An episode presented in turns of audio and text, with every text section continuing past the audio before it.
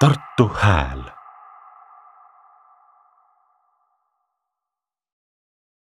nii, tere tulemast Draamafestivali vestlusringi ja Tartu Hääle podcasti, mille teemaks on täna, milleks on Eestile vaja mitut teatrikooli. mina olen Anneli Saro, Tartu Ülikooli teatriteaduse õppejõud, teatriuurija ja haridusadministraator. ja mul on siin kak-, kaks külalist, kes iseennast ka tutvustavad. Tere, mina olen Katariina Unt. Mina olen hariduselt näitlejaks õppinud, õppisin kuueteistkümnendas lennus aastatel tuhat üheksasada üheksakümmend kuni üheksakümmend neli. Ja hetkel olen vabakutseline näitleja ja Tallinna Ülikooli Viljandi Kultuuriakadeemia näitlejatöö lektor. Muidu Tartu Ülikool ikka, on ju? ega Viljandi Kultuuriakadeemia ei ole ju vahepeal Tallinna Tallinna, ei, Tartu Ülikooli Viljandi siis on hästi. peapesu. jah, come on, peske mu pead. nii, mina olen Mart Koldits, tervist ka siin kohalolijatele, et mi- mina olen siis haritud lavakunstikoolis muusika, nüüd on siis ta Teatri- ja Muusikaakadeemia. tol ajal oli kõrgem lavakunstikool, nüüd ta on lavakunstiosakond vist ametlik nimetus. lavastajaks õppisin, Ingo Normet oli siis kursusejuhendaja, aastad olid kaks, üheksakümmend seitse kuni kaks tuhat, üks Äh, õppisin ka magistrisse, aga lõputöö jäi kirjutamata. kavatsen selle kunagi ära teha, sest teema läks nii suureks. Proovisin mittenarratiivsest äh, teatri vahendeid kaardistada. ja siis äh, no see, see ongi põhimõtteliselt siis kõik jah. ja nüüd praegu siis olen äh, esimesest septembrist äh, Muusika- ja Teatriakadeemia lavakunsti osakonna äh, ametlik nimetus peakoordinaator. selge.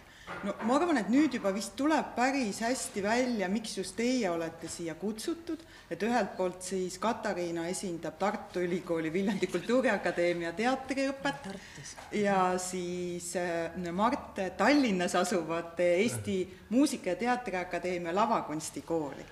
Ja et ühelt poolt Katariinal on näitlejaharidus ja Mardil on lavastajaharidus. nii et minu meelest me katame siin väga hästi ära nii erinevad eh, siis erialad kui ka mm, siis erinevad koolid, sest kuigi teatri erialasid, no näiteks eh, siis stsenograafiat ehk lavakujundust või koreograafiat ehk siis tantsukunsti õpetatakse siis vastavalt Eesti Kunstiakadeemias või Tallinna Ülikoolis, siia siis tegelikult ikkagi enamasti, kui küsitakse, miks on Eestile vaja mitut teatrikooli, siis selle all mõeldakse seda, et kas meil on vaja kahte kooli, kus koolitatakse näitlejaid ja lavastajaid, sest seal tundub nagu see selline kokkulangevus olevat kõige suurem ja sealt võib olla ka selle tänase saate intriig. Aga enne veel seda, kui me selle intriiki hakkame lahti arutama, tahtsin ka, et te räägiksite oma sellisest pedagoogilisest kogemusest, sest tegelikult teil on päris palju kogemusi ka näitlejate ja lavastajate õpetamisel, et kas te tahaksite ise kuulajatele rääkida, et kus te olete õpetanud, keda ja võib-olla ka lühidalt, et mis see teie kogemus senimaani või kuidas te ise hindate, et et kas näitlejate, lavastajate õpetamine kuidagi õpetab ka õpetajat? Jaa, et kus te olete õpetanud ja keda?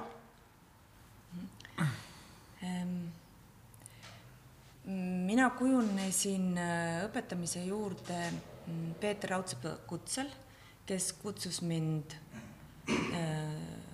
aastal kaks tuhat kaksteist siis EMTA lavakunstikooli kahekümne seitsmenda lennu üheks kursuse juhendajaks. Ja koos me seda kursust juhendasime ja õppetööd läbi viisime, enne seda ei olnud mul praktilist kogemust, kuidas näitlejatööd õpetada, olles ise praktik.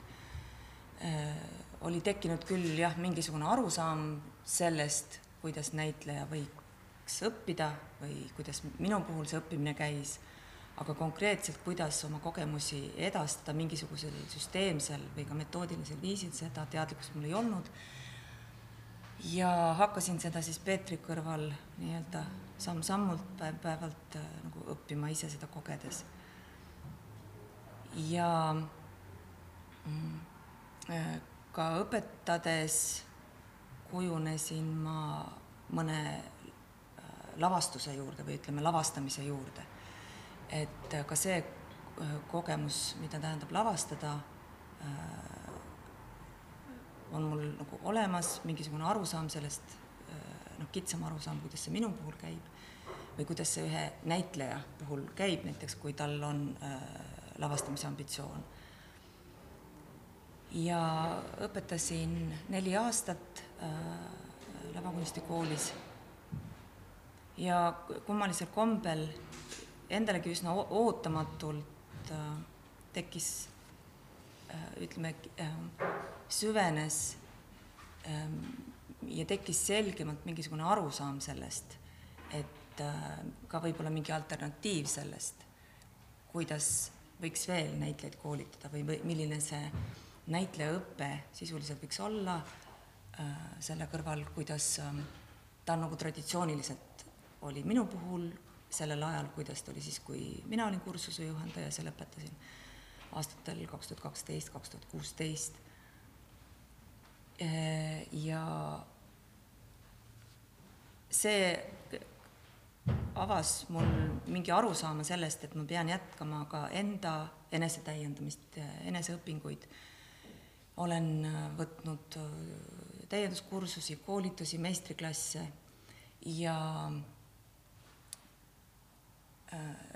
siis pani elu mind valiku ette ja Karmen Tabori kutsel äh, siis nüüd neli aastat tagasi ei jõua nii arvutada, äh, kujunesin ma Viljandisse äh, õpetajaks ja nüüd siis ametlik nimetus on jah, näitlejatöö lektor.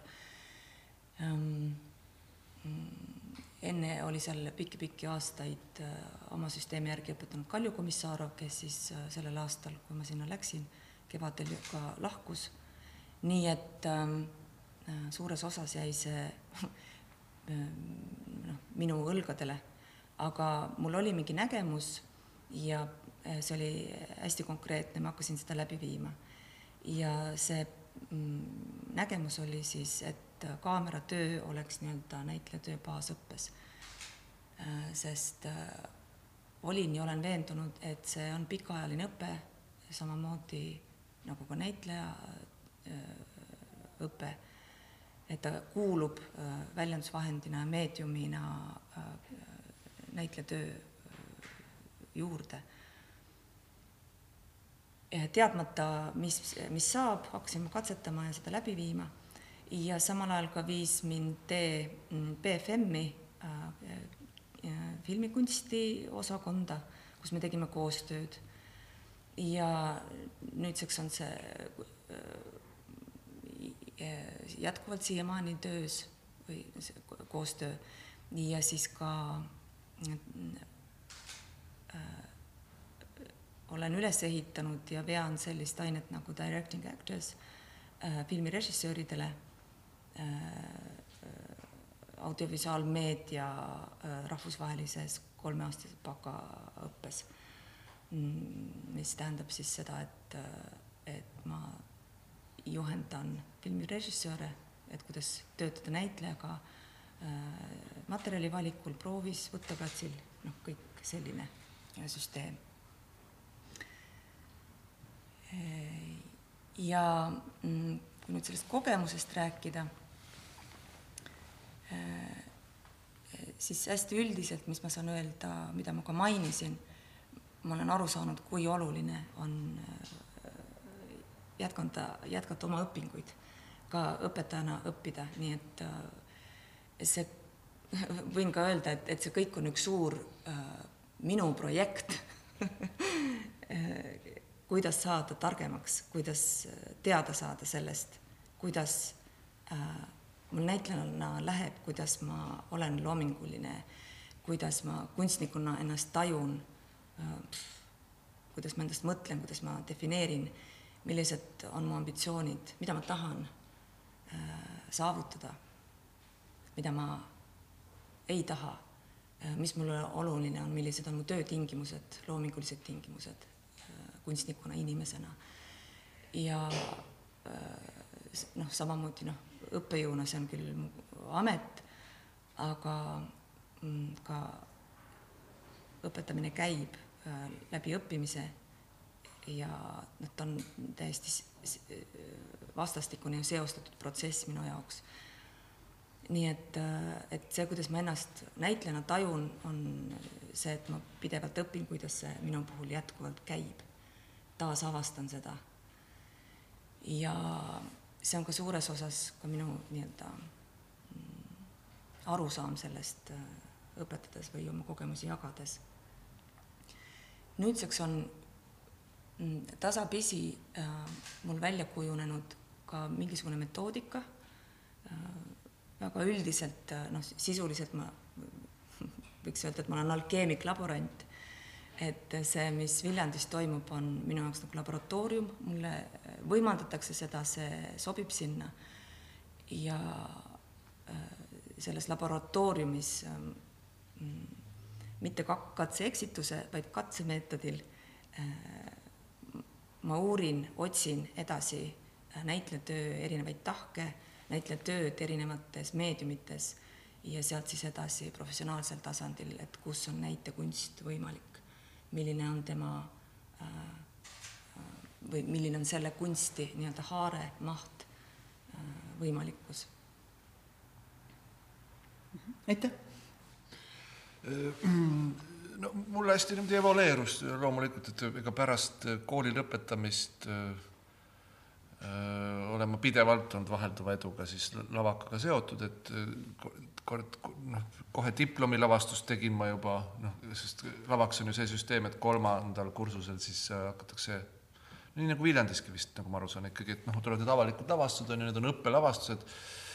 Ja siis äh, ma juba enda nooremale kursusele tegin esimese õppelavastuse ja, ja noh, siis vahepeal olid, andsin ka need, tegin selliseid, mis see moodne sõna on, workshop'e lavastaja tundide näol siis erinevatele lendudele ja aga noh, see oli kuidagi ikkagi niimoodi, tead, sutsakas siin ja sutsakas seal, üks projekt siin, üks projekt seal, et, et jah, selliseks full on stabiilseks läks siis, kui Ingo Normet tegi ettepaneku Anne Tülpule hakata äh, kursust juhendama Anne Tülpu kutsus siis nagu minu appi ja siis me võtsime nagu kahasse kursuse ja see siis oli kohe pärast teie kursust, on ju. et meie olime nende noorem kursus lavaks. ja, ja nüüd see viimane otsus minna lavakunstikooli juhiks sündiski see, et kui ma lihtsalt ühel hetkel sain aru, et kodus diivanil ma räägin rohkem erutatuval e, erutatuna õpetamisest kui äh, lavastamisest.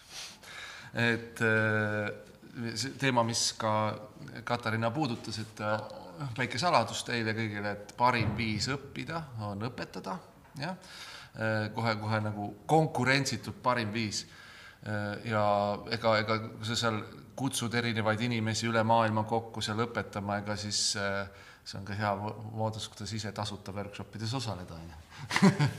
et niimoodi, niimoodi see, see on ka suur, suurepärane võimalus ka ise nagu teadlikult õppida, on ju.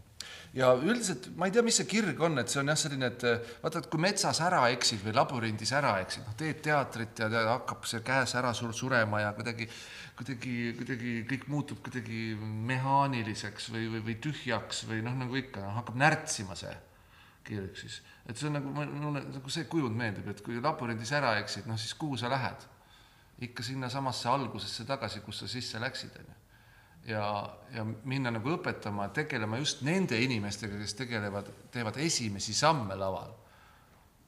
et noh, sealt on minu arust nagu lihtsam üles leida see, et oota, kus see nüüd see fotosüntees pihta hakkas, mis lille ikkagi õitsema paneb et kuidagi, kuidagi ta vist on sellega seotud ja noh, see laboratoorsus ka on selle asja juures eriti kir-, noh, kirge tekitav, mis on õpetamise juures. Et noh, teatris sul tihti ei ole väga palju aega selle laboratoorse tööga tegeleda. et, et see on ka õpetamise juures ikka see, mis noh, müstiliselt luksuslik elukutse, müstiliselt luksuslik noh, nii, nii priviligeeritud on see tunne, et noh, vahest see tekitab hirmu, et olen ma seda ikka kõike väärt. nii ei tohi mõelda. kuigi ma püüan siin saates ka natuke muidugi ikkagi konflikti üles äh, kruvida, sest see on ju teatri ja draama alge, aga siiski ma tahan rõhutada seda, et minu meelest te olete mõlemad nagu väga head eksperdid, et sellel teemal rääkida, sest Katariin on õpetanud nii lavakunstikoolis kui ka Viljandi Kultuuriakadeemias, et tal, tal on tegelikult nagu mõlema kooli kogemus ja Mart, sina ju ka oled ka teinud vähemalt äh, ühe diplomi lavastuse koos Viljandi Kultuuriakadeemia näitleja üliõpilastega, et noh, mingi väike kogemus sul on tegelikult Viljandi äh, Kultuuriakadeemiaga ju ka, on ju. no jaa, aga mitte selline, et hakata võrdlema, selles mõttes sellest peab ikka Katariina rääkima, et kas Jaa. ta näeb mingeid erisusi, minul see kogemus puudub, et kas äh, et, et mismoodi see Viljandis on, sest noh, see juurikas, kus ju Viljandi ajalooliselt see õpe tekkis, Kalju Komissarov, noh ma ei tea, mis põhjustel ta lavakast lahkus, noh. Miks ta seal Viljandis dramaatilistel põhjustel. dramaatilistel põhjustel, jah just, et sinna ta nagu lõi, et, et äh, eks, eks me sinna jõuame, okei okay.. aga no teine nagu üldse üldisem küsimus, mida me täna tegelikult ei hakka siin lahkama, aga mis puudutab nagu kogu kõrgharidust, on ju see, et et kui koolides äh, saadetakse inimesi, kellel on ikkagi väljaõpe, neil peaks olema õpetaja kutse, eks ju mm., nad peavad olema läbinud mitte ainult siis aineteadmised, aga mingid pedagoogilised teadmised, psühholoogia ja nii edasi, et siis kõik kõrgkooli õppejõud on ju nagu siis autodidaktid, eks ju, et neil enamasti ei ole mingisugust pedagoogilist ettevalmistust ja see puudutab ka tegelikult nende teatrikoolide õppejõudusid. Ja, ja selles mõttes on ju huvitav, seda on ka teatriinimesed ise öelnud, et, et teatriõpetus põhineb sellise meistri selli õpipoisi süsteemil, et sa lähed lihtsalt vaatad, kuidas meister töötab ja meister lihtsalt näitabki, kuidas ta töötab ja siis sa pead nagu sellest õppima, et justkui nagu väike selline noh, kopeerimise eh, mudel on seal sees.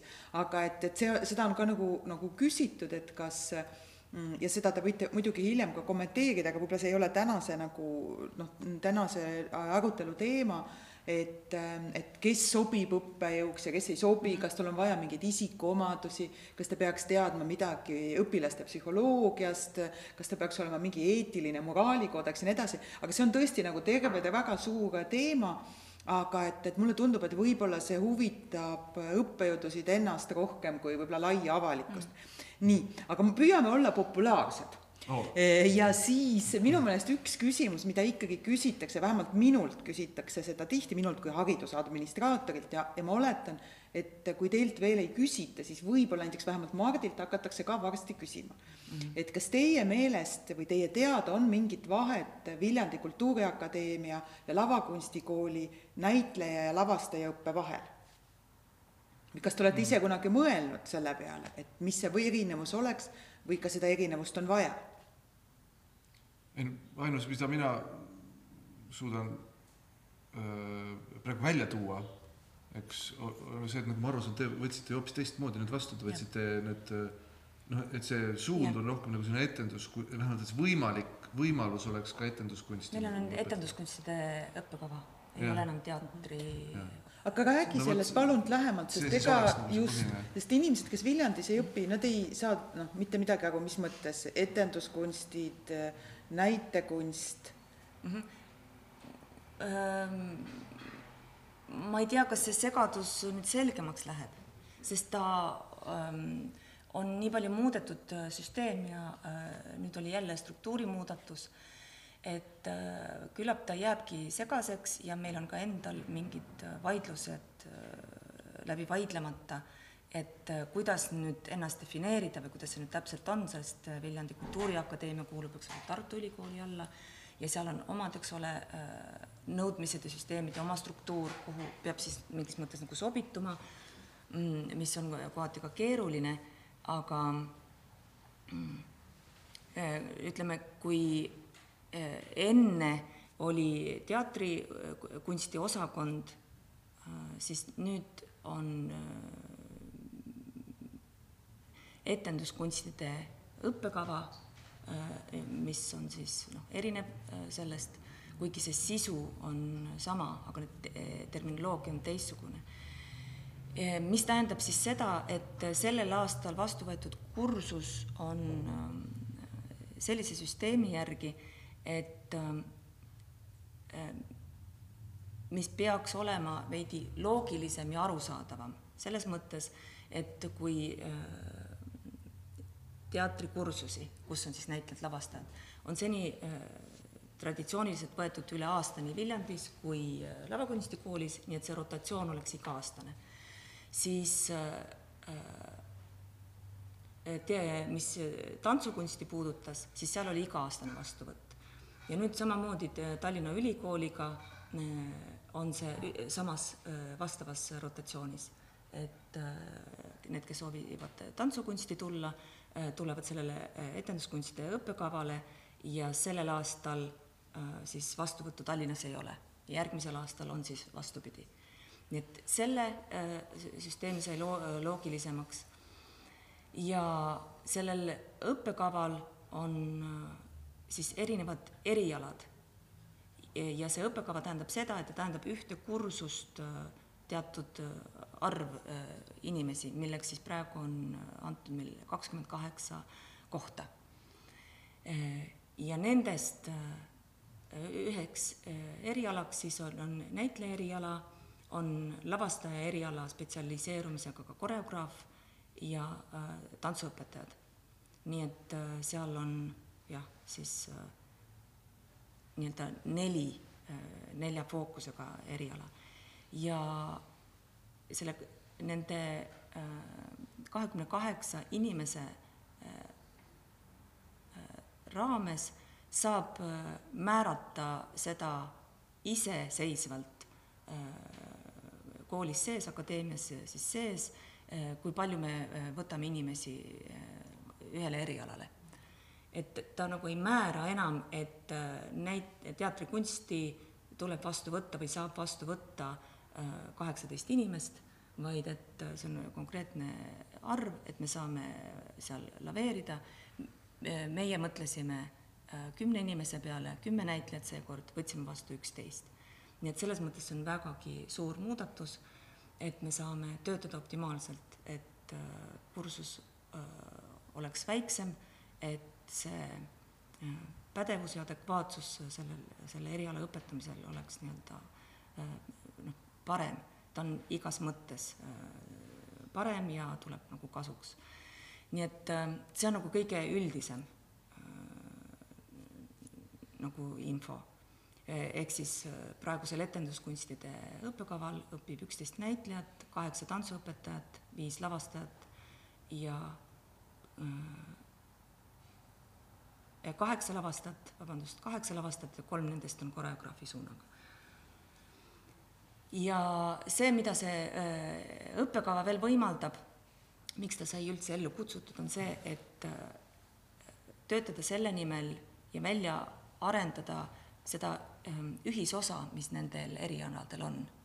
et, et oleks võimalik äh, õpetada äh, mingisuguses sü- süsteemsemas arusaamises, kuidas need kunstialad äh, erialaselt äh, omavahel ühenduvad, et nad ei, et vältida ka dubleerimist, eh, nii-öelda me nimetame erinevates torudes äh, õpetamist, mis tähendab ka seda, et õppejõud töötavad tuub-, torudes ja tuublis, eks ole, dubleerivalt, annavad üht sedasama asja erinevatel aegadel erinevatele erialadele, aga et see ühisosa, mis tekib nende inimese, nende inimeste õpi-, õpetamisel ja ühtlasi ka need kooslused, mis omavahel tekivad, on nii palju suurem väärtus, mida nii-öelda õppesse tuua ja seda me tahtsime kinni püüda.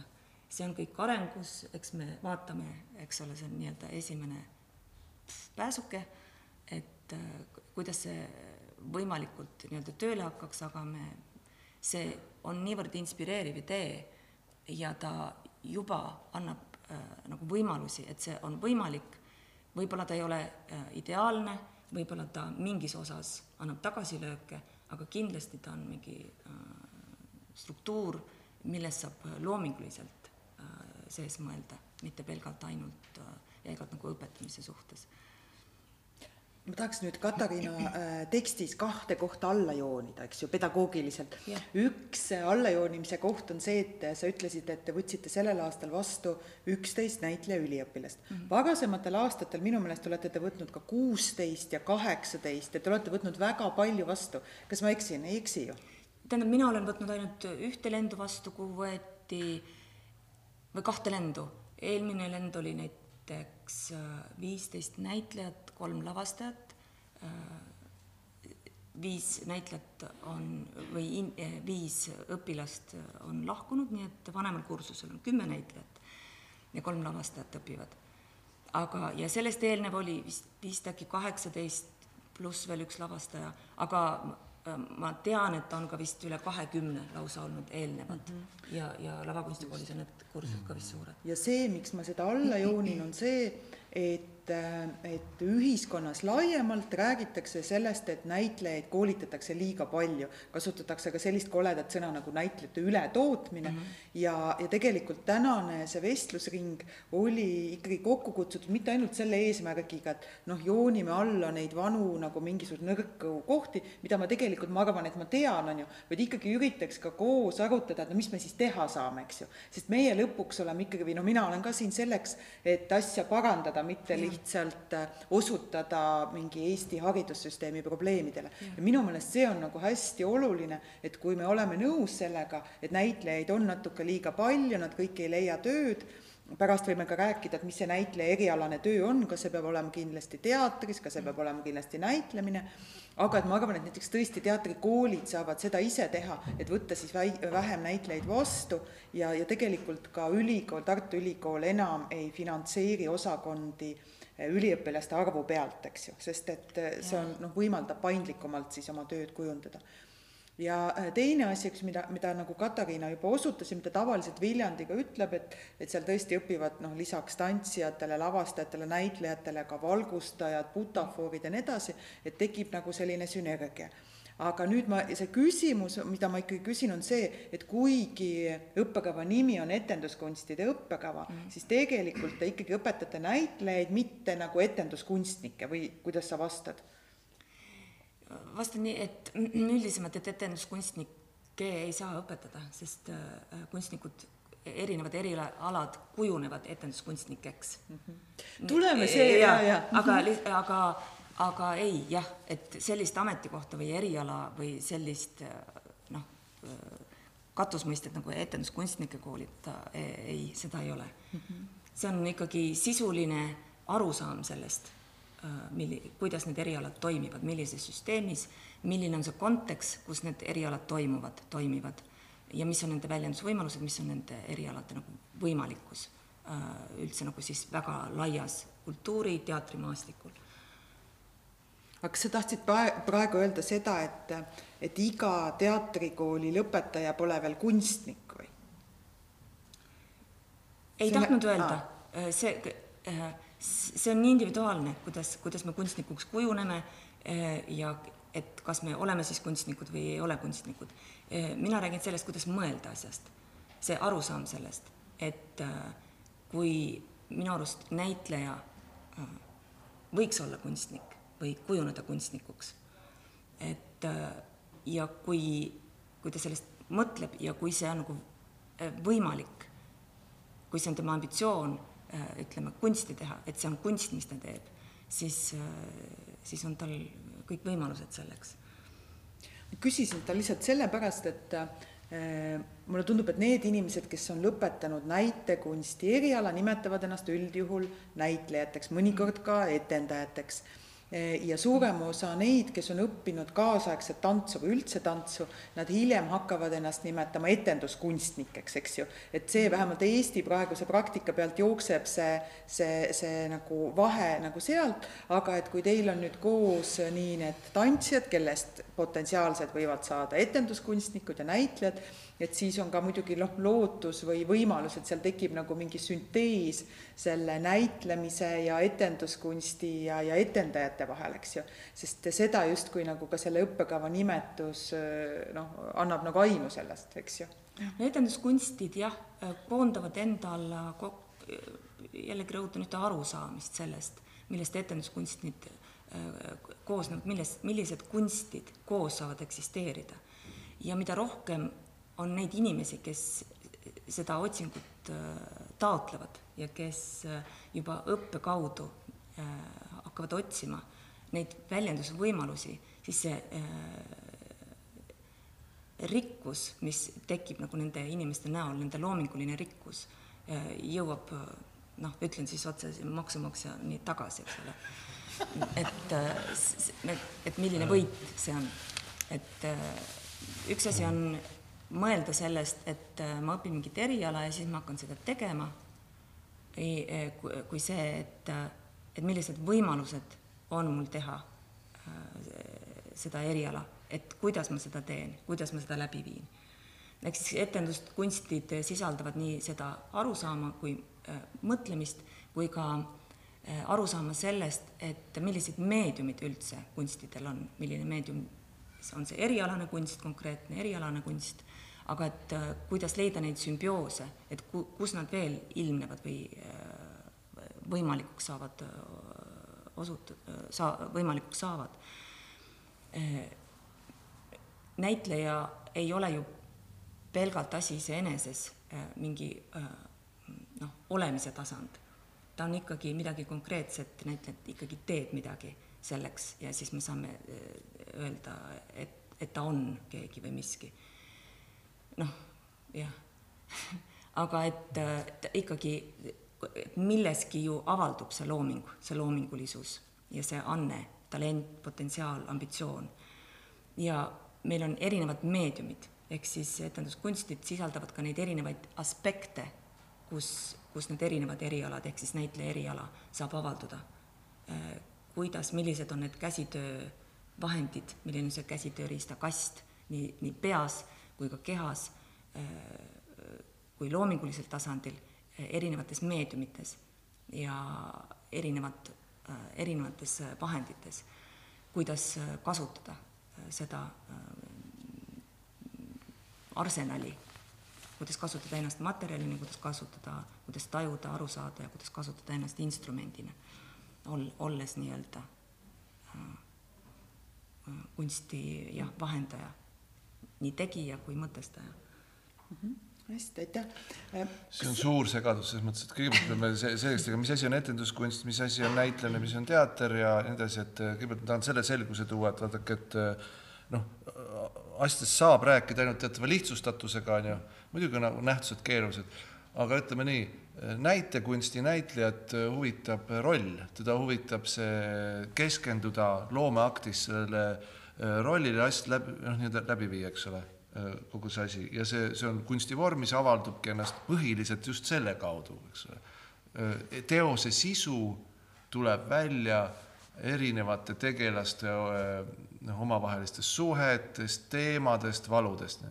Etenduskunstnikku huvitab etenduse situatsioon, ta mängib etendusega, eks, ja nüüd etenduskunstnik ongi, no ta võib olla lõpetanud näitlejakooli või, või mis, mis iganes eriala ta on aga see ei tähenda, et kui ta loomingulisse protsessi siseneb, ta on alati valmis, et, et ükskõik mida tegema. põhimõtteliselt etenduskunsti on sisse kirjutatud brikolöörlus, eks ole, kõik need käesolevad materjalid, see on natuke nagu, ma tooks seda paralleeli, et vaata, kui maalikunstnik, eks ole, ta võtab lõuendi ja ta keskendub, et vot mida ma sinna nüüd maaliksin, on ju. ja, ja keskendub sellele ja siis lõpuks mingi galerist paneb selle kuhugi seinale, on ju siis nüüd etenduskunstniku paralleel nii-öelda kunstimaailmas on see, et tuleb kunstnik, ta saab teada, et kuule, mul on vaja teha näitus, ma ei tea, seal galeriis. nüüd ta läheb sinna kohale ja vaatab seal, et mis siin selle ruumiga, nende ühiskondlike suhetega, mis siin parasjagu siin ruumis või selles arhitektuuris on, selles valguse mängus, selles, kuidas ta hakkab lähtuma sellest situatsioonist. Ja ehitab sealt üles ja vahest sinna tuleb ka midagi, mida peab maalima, aga see ei ole üldse oluline. Ja selles mõttes see vahe tuleb nagu selgelt, ma ei tea, kuidagi kõigile selgeks teha, muidu meil on siin aruteludes niisugune terminoloogiline kuradi vabandust väljendust, segadus on ju, ja siis hakkavad mingid vanemad olijad hakkavad süüdistama, et ah ei, see on üldse mõttetu termin ja nii edasi, aga noh, me peame asju kuidagi osadeks võtma, et nendest üldse rääkida, on ju. ja, ja noh, minu enda näide, eks ole, minu viimane lavastus oligi nii, et tegin oma, noh, põhiliselt oma tudengitega, aga ma nii-öelda just tänasin neid selle eest, et, et et aitäh, et olite nõus sellise protsessiga, kus me lõpuks jõudsimegi välja sinna, et mingit näitlemist ei toimunudki. Nad olid lihtsalt operaatorid laval, me ehitasime nii-öelda inimestele mingit rituaali ja see just nimelt sündis nagu sellest äh, hetkeolukorrast ja situatsioonist, et see etenduskunstniku ja näitleja vahe tegelikult on, ma arvan, nagu määratletav. Üks ei ole halvem, parem, mis iganes, kogu see jura. Eh, aga, aga noh, kategoriseerimine on ikkagi mingisugune selguse alus, on ju. Et nagu on see asi. Ja, ja siis noh, mis, mis lavakusse puutub, siis ongi see, et vaata, et, et noh, ma näen ka seal Viljandis seda potentsiaali, et et kuna neil on need erinevad osakonnad, on ju, et nemad peavad otsima seda ühisosa sealt, on ju, mis lavaka kogemus või mis suuna me oleme võtnud, on ju, või noh, nii ta on olnud ka, on ju, ongi see, et noh, mina ise lavastajaüliõpilasena ütlen seda, et et eks seal lavakas on ka käinud jutte, et umbes teha rohkem koostööd ja juba mingeid ühisprojekte ja asju. Teate, siis, siis tundubki see, et see neli aastat on nii lühike aeg, eriti lavastajaõppes, et õppida üldse näitlejaga tööd tegema noh, üldse seda lugu jutustama, on ju, et äh, et need igasugused koostööprojektid teiste valdkondadega noh, võtavad nii palju aega ja nii palju segadust ja fookust ära, et noh, kõigepealt nii-öelda kõigepealt nii-öelda proovime selle nelja aasta jooksul kätte seda selle, et sa oskad näitleja ja looga töötada, on ju. Ja lavastajana mul on ka see, et, et okei okay,, noh, mul on vaja teada, kuidas valgustajaga rääkida. mul ei ole vaja val valguseks nagu sellest kõike teada. ja see vocabulary on tegelikult suhteliselt lihtne, on ju barr, profiil, LED liikuv, mitteliikuv, on ju, soe valgus, külm valgus, tahan sügavamat pilti, tahan tasapinnalisemat pilti, tahan kõledamat, nii edasi. valgustaja on seda ju õppinud, ta ju kõike teab, ma ei pea selleks kõike ise tegema.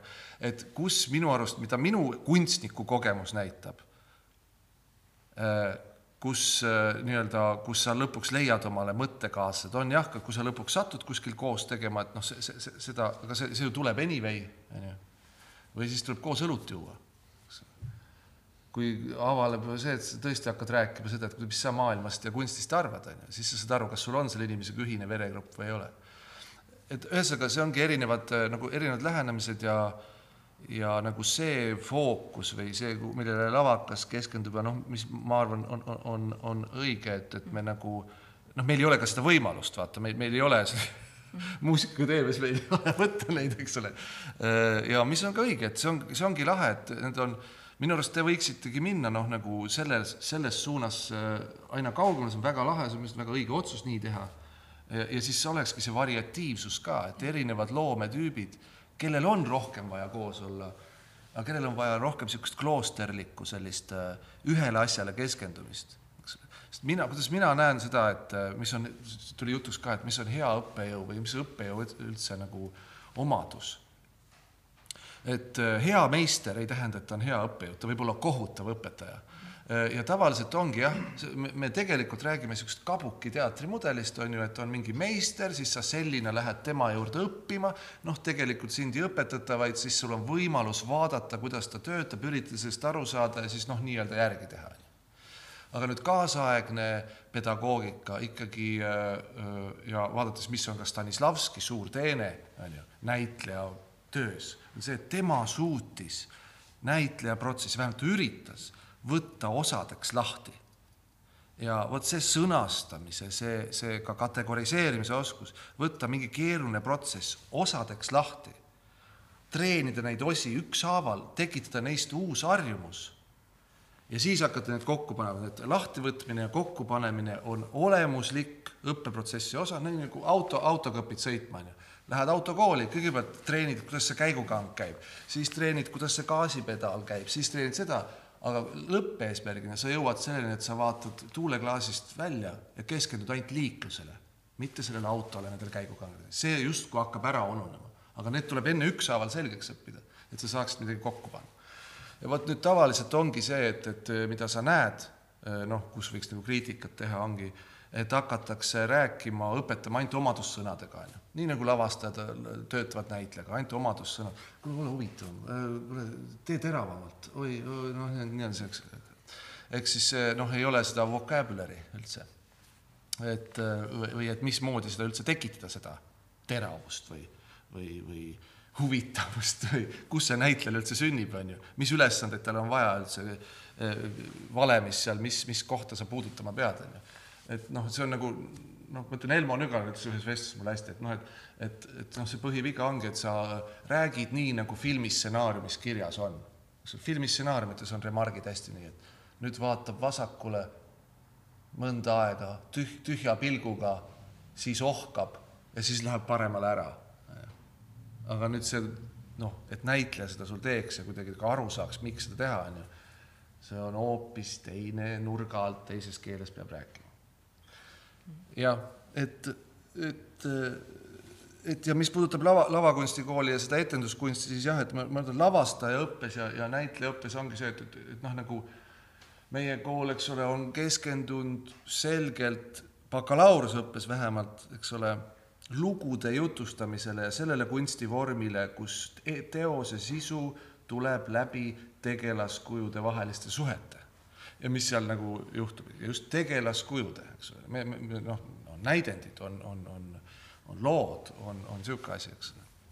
aga nüüd mingil määral on väga viljastav ikkagi otsapidi tegeleda ka etenduskunstiga, sest et kui me vaatame, noh, minu arust ütleme, kadunud Reet Neimar oli minuga veel nõus, ma ei tea, kas praegused teatriajaloolased on nõus, et pärast Krotovskit ei ole näitleja tehnikaga enam teatriuuendusi tehtud, eks ole.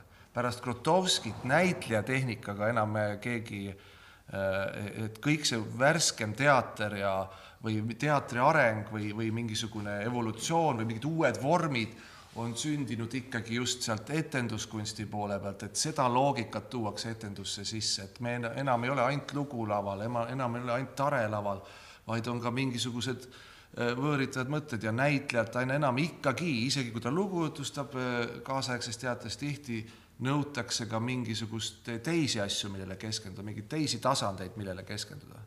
ja selles mõttes nagu mingil määral peab ka noh, nagu psühholoogilise realismi keskendunud kool, kui ta tahab kui ta tahab, et nüüd näitlejad ja lavastajad tulevikus, nendel kuppel lahti oleks ja nad suudaksid ära kasutada seda, mis õhus on, on ju, maksimaalselt.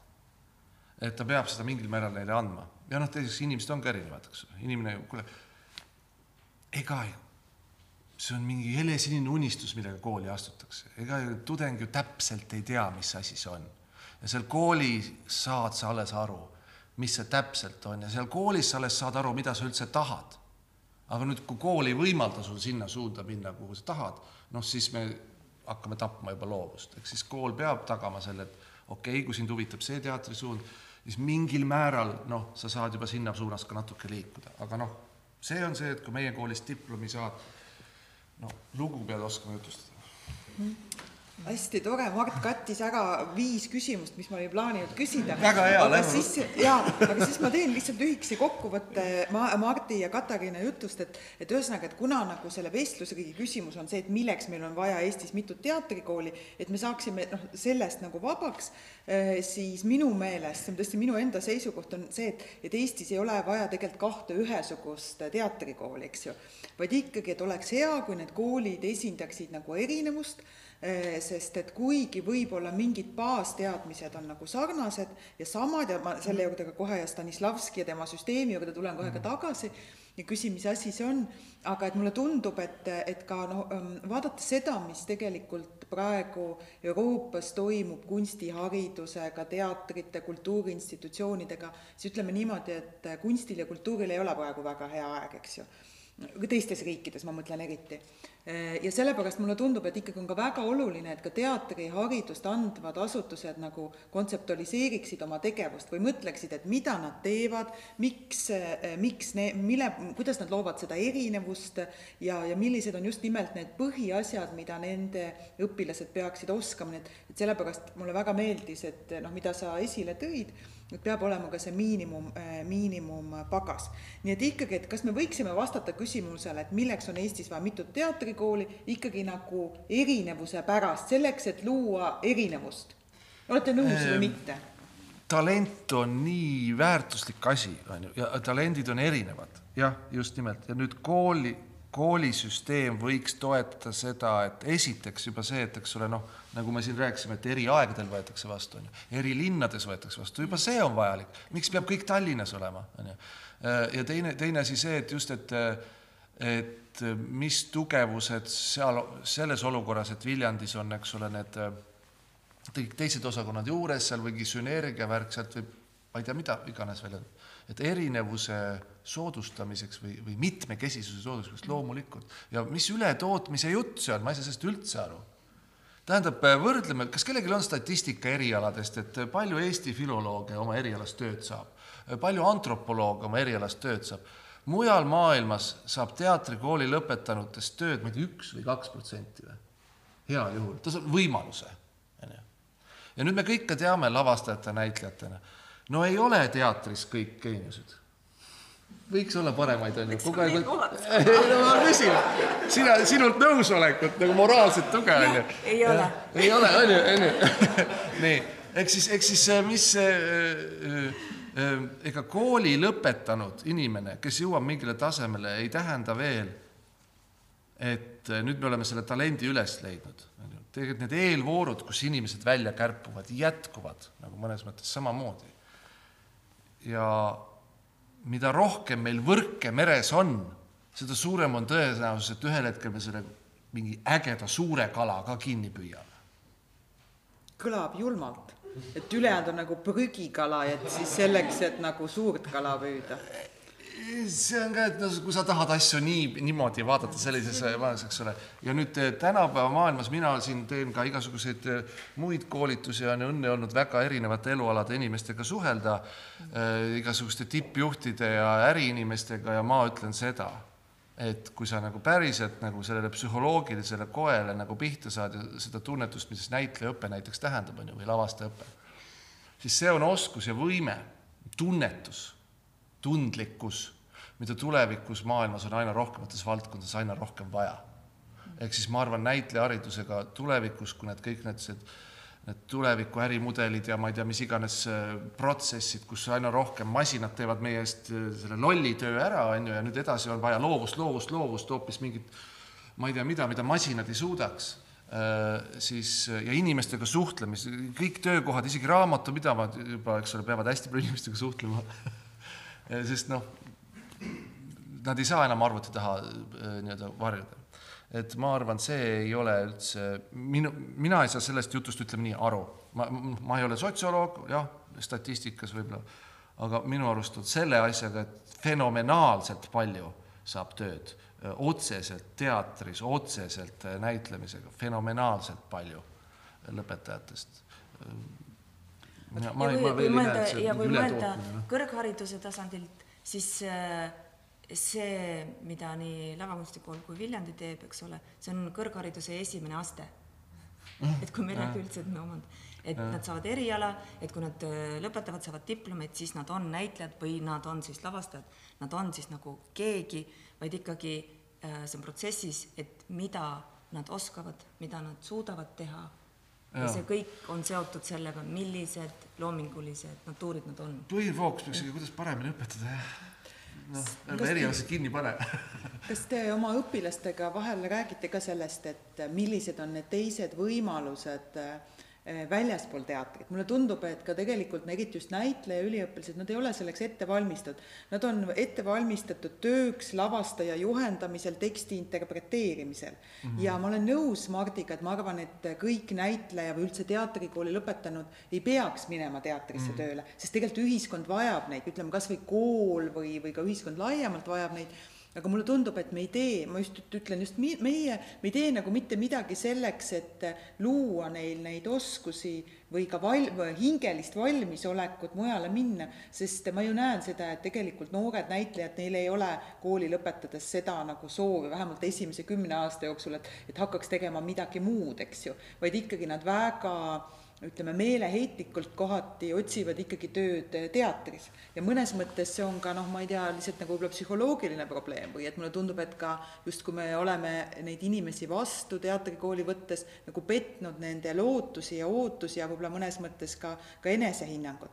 et võib-olla see ei ole teema, mida me saame siin kohe nagu lahendada, aga kindlasti minu meelest teatrikoolid peaksid mõtlema muuhulgas ka selle peale, et võib-olla juba, kui inimene on noh, eks ju teatrikooli astunud ja ta saab juba, ma ei tea, kolmandal aastal näiteks aru, et võib-olla ikkagi see näitlemine või lavastaja olemine ei ole päris tema nagu teema, et tal on võimalik siis noh, sinna midagi juurde õppida, eks ju, juba siis koolis olemise ajal või et, et või ka üldse ikkagi siis tegeleda sellega, et, et, et rõhutada ka lõpetajatele, et et teater ei, ei pea olema teie ainuke töökoht. no see on, eks ju, baas niisugune väike ettevõtlus või selline vibe mm -hmm. on ju ja, aga siin jälle tuleb abiks etenduskunst selles mm -hmm. mõttes, et, et vaata, kui sa nagu jah, noh, muidugi, eks ole, kui sa tahad lugusid jutustada ja see on see spetsiifiline tehnika, see Stanislavski psühholoogiline realism ja noh, loomulikult, et sa tahaksid pigem nagu meistritega töötada ja ja noh, et ma ei lähe ju mingi amatööridega kuskil mingit pisuhända lavastama, on ju aga nüüd etenduskunst on see, et mina olen oma tudengitele alati öelnud, et kuulge, et, et, et proovige, et see uss, see passiivsuse uss, et sa oledki see, et sa palvetad, et jõuaks sinuni kuskilt, keegi peab seda tegema, mingi hea sisukas näidend. Ja siis teater eh, muretseks selle juurde veel ka. Hea sisulise lavastaja, kes oskaks minuga töötada. ja siis eluaeg ootan seda rongi. Ja põhimõtteliselt ongi kolmkümmend aastat läinud ja varsti, eks ole, lähen pensionile. Lavastamiseks on sul vaja noh, kaheksa ruutmeetrit pinda ja head sõpra. ja sa võid juba pihta hakata vaikselt, koduköögis, mõtlema, tegema mingeid asju, eks ole, ja etenduskunst just, mis tegeleb ka nende muude äh, noh, nii-öelda, mis kus üritatakse välja töötada neid muid kategooriaid, millega veel mängida annab eks ole, publiku etendaja suhe, eks ole, olukorra suhe selle antud kunstiaktiga, see rituaal, mis seal on, hetke köögi-söögilaua taga toimivad võimusuhted, mis igas perekonnas on, need on varjatud, me ei teadvusta neid, on ju, ruum on reegleid täis, on ju, nii edasi. seal on võimalik hakata katsetama, võimalik hakata tegema, sa ei pea ootama neid, seda marmorsammastega teatrimaja, millal lõpuks sind kutsub teed vaikselt asja, teed järgmine kord saad rohkem, juba leiad, tuleb teine sõber appi. Nii palju on ju väga häid lavastajaid või teatritruppe tekkinud sellest, et noh, lihtsalt kurat, hakatakse tegema. ei tohi mõelda liiga palju antavatele oludele no Stanislavski näide, eks ole, siis sa jäädki nagu ootama seda õiget asja. hakka lihtsalt tegema, pane siht kuule ja hakka kurat minema, siis tekib ka tee. pane siht paika, küll tee tekib jah, ühesõnaga Viljandis on konkreetselt selleks äh, vastav aine, ettevõtlusaine. mida näitlejad vihkavad. Jaa. sest wow., sest nad, ei, aga ma tean, ma ju, sellepärast, et nad ei mõtle selle peale, et nad peavadki hakkama minema kuule, nagu Mart käseb neil mm. minna, vaid nad tegelikult ikkagi loodavad seda, et tuleb geniaalne lavastaja, geniaalse tekstiga ja annab neile peaosa. ja, ja soovitavalt ikkagi siis Riigiteatri raamistikus, kus on püsipalk, on ju -hmm. jaa, aga selle peale siis tulebki öelda, et see on nende mure, et nad niimoodi mõtlevad. sest kool võimaldab seda, et mõelda mm -hmm. kastist välja. Et, et see on kastist välja mõtlemise äh, võimalus. see, et nad äh, kastis mõtlevad ja ei oska sealt välja tulla. Viljandi täpselt see, mida Mart sisuliselt praegu ütles, pakub igale tudengile seda võimalust. kui sul on idee, mõte, isegi kui ideed ei ole, on sõber, sõpra ei ole, on ruum eh,, hakka tegema, et Viljandi eh, vähemalt just nimelt selle laboratoorsel viisil ja selle, nende eri, erialade ühenduses äh, soodustab äh, igasugust omaalgatuslikku initsiatiivi, impulssi, mis tudengil on, et äh, püüab võimaldada need ellu viia nendel tingimustel, mis, mis vähegi on, on võimalik. et, et ei, et tudeng ei tunneks, et ta ei saa midagi teha sellepärast, et, et, et ei lubata või ei tohi või see on vale.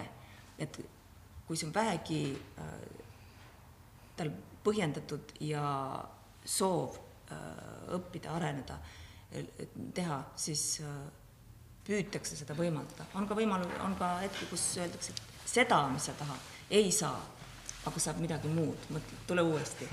Ei no see, vaata see valikute võimalus võib ka hulluks jääda, eks ole, et okei okay,, sul on ruumi ja sõpra vaja, okei. okay oi, meil on suur kool, me väga soodustame seda, nii, mis ruumi sul vaja on? Black box'i, white box'i, kümme ruutmeetrit, sada ruutmeetrit, tahad sa, et seal oleks aknad või ei taha, taha, no siis lõpuks suudad ära otsustada, eks ole, siis hakkab pihta, et mis muud tingimused on seal sul. Sellist valgust, sellist valgust, sellist asja, sellist, et ühesõnaga, ega see valikute andmine võib ka segadust seada, et ega, ega jah, tudengit tuleb ikkagi julgustada, sest see on inimloomusele omane, see, see suur teatrisüsteem ja, ja kool ja tead, ma arvan, et see tuleb sellest, et tudengitel on nii, nii, nii suur austus selle vastu.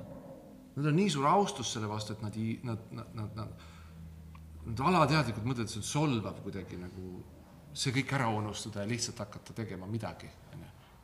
ja, ja alati on ja siis nad teevad, onju, ja teevad koridoris hakkavad koridoris midagi mässama, eks ole, tõmbavad stseenis suitsu ette ja siis tuleb kuskilt mingi lauluõpetaja klassist välja, kes siin lubas suitsetada bla,, blablabla ja kogu see initsiatiiv on tapetud. Kodukord on ju olemas, noh, ei tohi olla, noh. See, et ma arvan, et ma olen tõesti, nüüd ma räägin nagu haridusasutuse esindaja ja, ja õppejõud et tõepoolest, et paljudel noortel on nagu usk see, et mitte, et nad, kool annab neile vahe, kool annab neile raketi, millega kool, kuule minna, vaid et lootus, et kool kohe lennutabki nad kuule, on ju. ja, ja tõesti, et noh, iseenesest kool ei pea tagama töökohta, eks ju, et seda me tõesti ei saa nagu eeldada aga et räägin siin ka ikkagi siis mõtlema paneva loo. Kui ma rääkisin oma Leedu kolleegidele paar aastat tagasi, et Viljandis kavatsetakse teha etenduskunstide õppekava, mida iganes see sisu siis on, aga et noh, et, et see võib-olla loob mingid avaramad eh, või mitmekesisemad võimalused seal sees arendada näitlejakoolituse kõrval veel, eks ju, nagu sa ütled, etenduskunsti tehnikaid, siis nad ütlesid, et Kaunasesse eh, avati paar aastat tagasi eh, või rohkem, äkki isegi viis Eh, siis näitleja eriala kõrvale etenduskunstniku eriala mm. Ja neile tundus, et see on hästi äge, et etenduskunstnik on ikkagi autor, etendaja, eks ju, et tal on palju suurem autonoomsus ja muidugi, mis tuli välja, et, et sinna õppekavale ei tahtnud mitte ükski noor inimene astuda, sellepärast et suurem osa ikkagi gümnaasiumi lõpetajaid, nende kogemus teatriga on seotud peamiselt eh, siis seriaalide ja filmide kaudu, et nad tahtsidki saada rohkem võib-olla seriaali näitlejaks või filmi näitlejaks või nii edasi, et tegelikult ka mm, noh, see soov olla ise või võtta see autor, autori etendaja siis positsioon, et mul on midagi öelda maailmale mm, -hmm. et see on ikkagi hoopis üks teine positsioon, mis võib-olla ka eeldab siis ütleme niisugust elukogemust ja, ja teist, teistsugust suhet minu meelest kunsti kui võib-olla sellisel traditsioonilisel näitlejal, interpreedil nagu on, eks ju. et ma arvan, et need põhiolemuselt seal on ka ikkagi noh, natuke erineva suundumusega see etenduskunstniku, kellel ongi see isiklik ambitsioon ja võib-olla sõnum midagi öelda. aga ma olen nüüd rahva hääl ja ähm, üks, tähendab minu meelest ka, et iseenesest ei ole nagu probleem selles, et, et näitlejaid võib-olla koolitatakse väga palju, aga tõesti see, mida, mida rahvas räägib, on see, et, et me näeme, et paljud teatrikooli lõpetajad, et neil ei ole äh, siis kutsetööks vajalikke äh, teadmisi või eeldusi.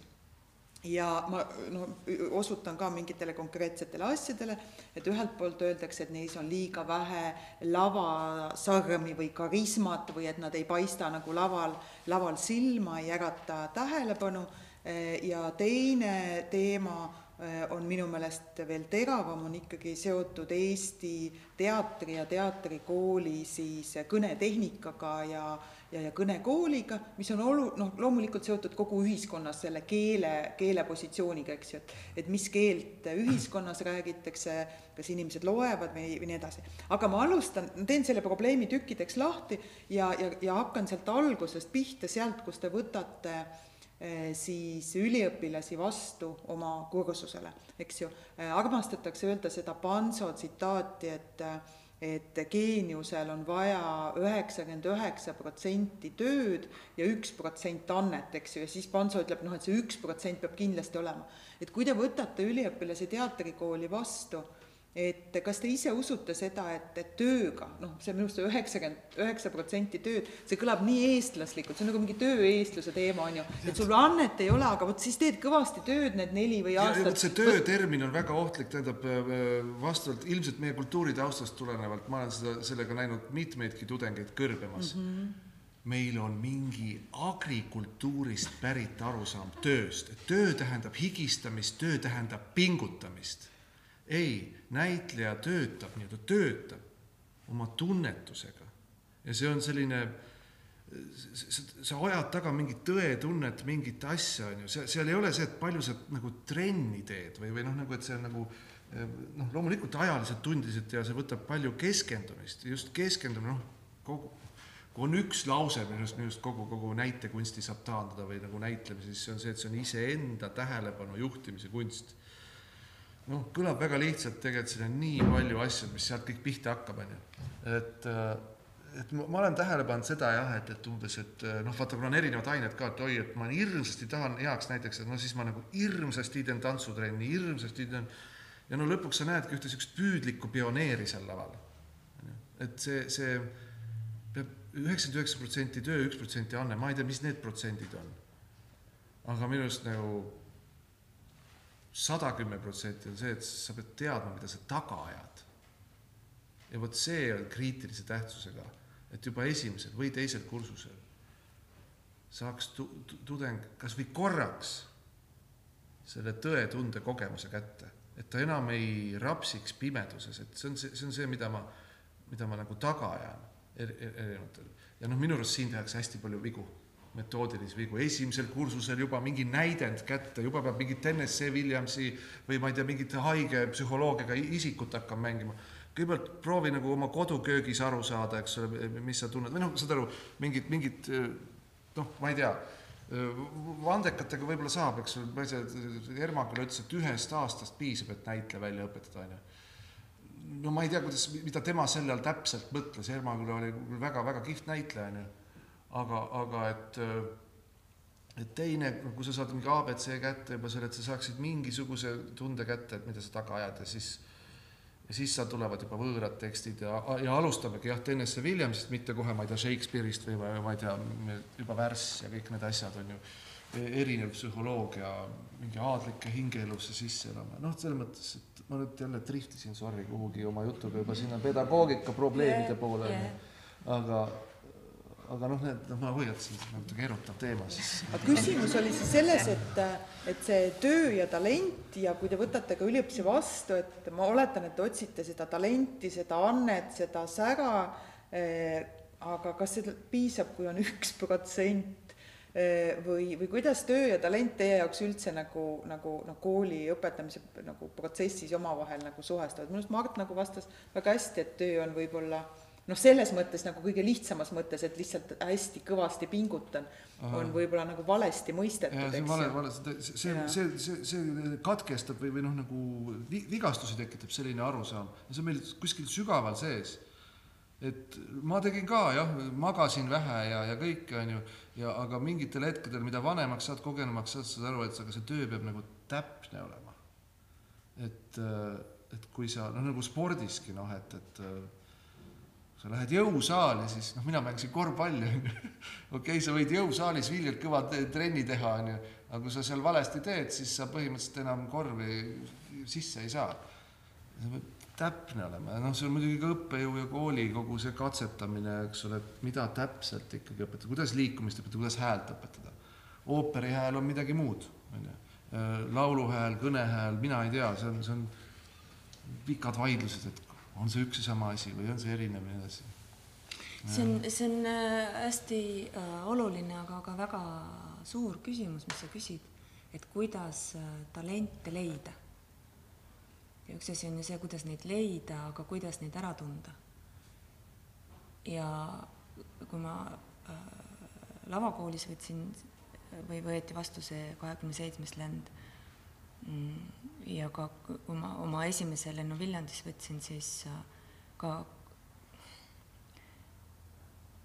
ma ei taha öelda paanika, aga ütleme, mingi kohutav mure oli sellepärast, et äh, et kas ma oskan neid ära tunda, neid talente. see sõltub ju ainult äh, mingis mõttes minust, aga ikkagi ka komisjonist, nendest konkreetsetest inimestest, kes seal on ja rohkem neid seal ei ole.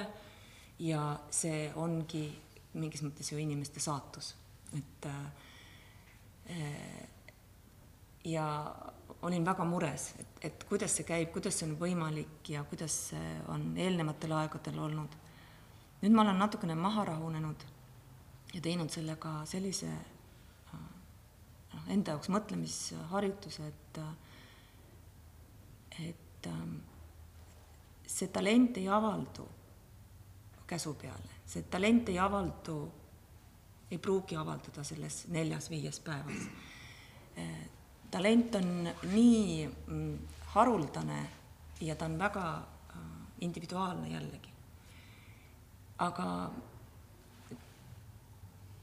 kui sa annad äh, inimestele, kes tulevad äh, sisse astuma, võimaluse ja vaadata nende potentsiaali, uurida nende potentsiaali inimesena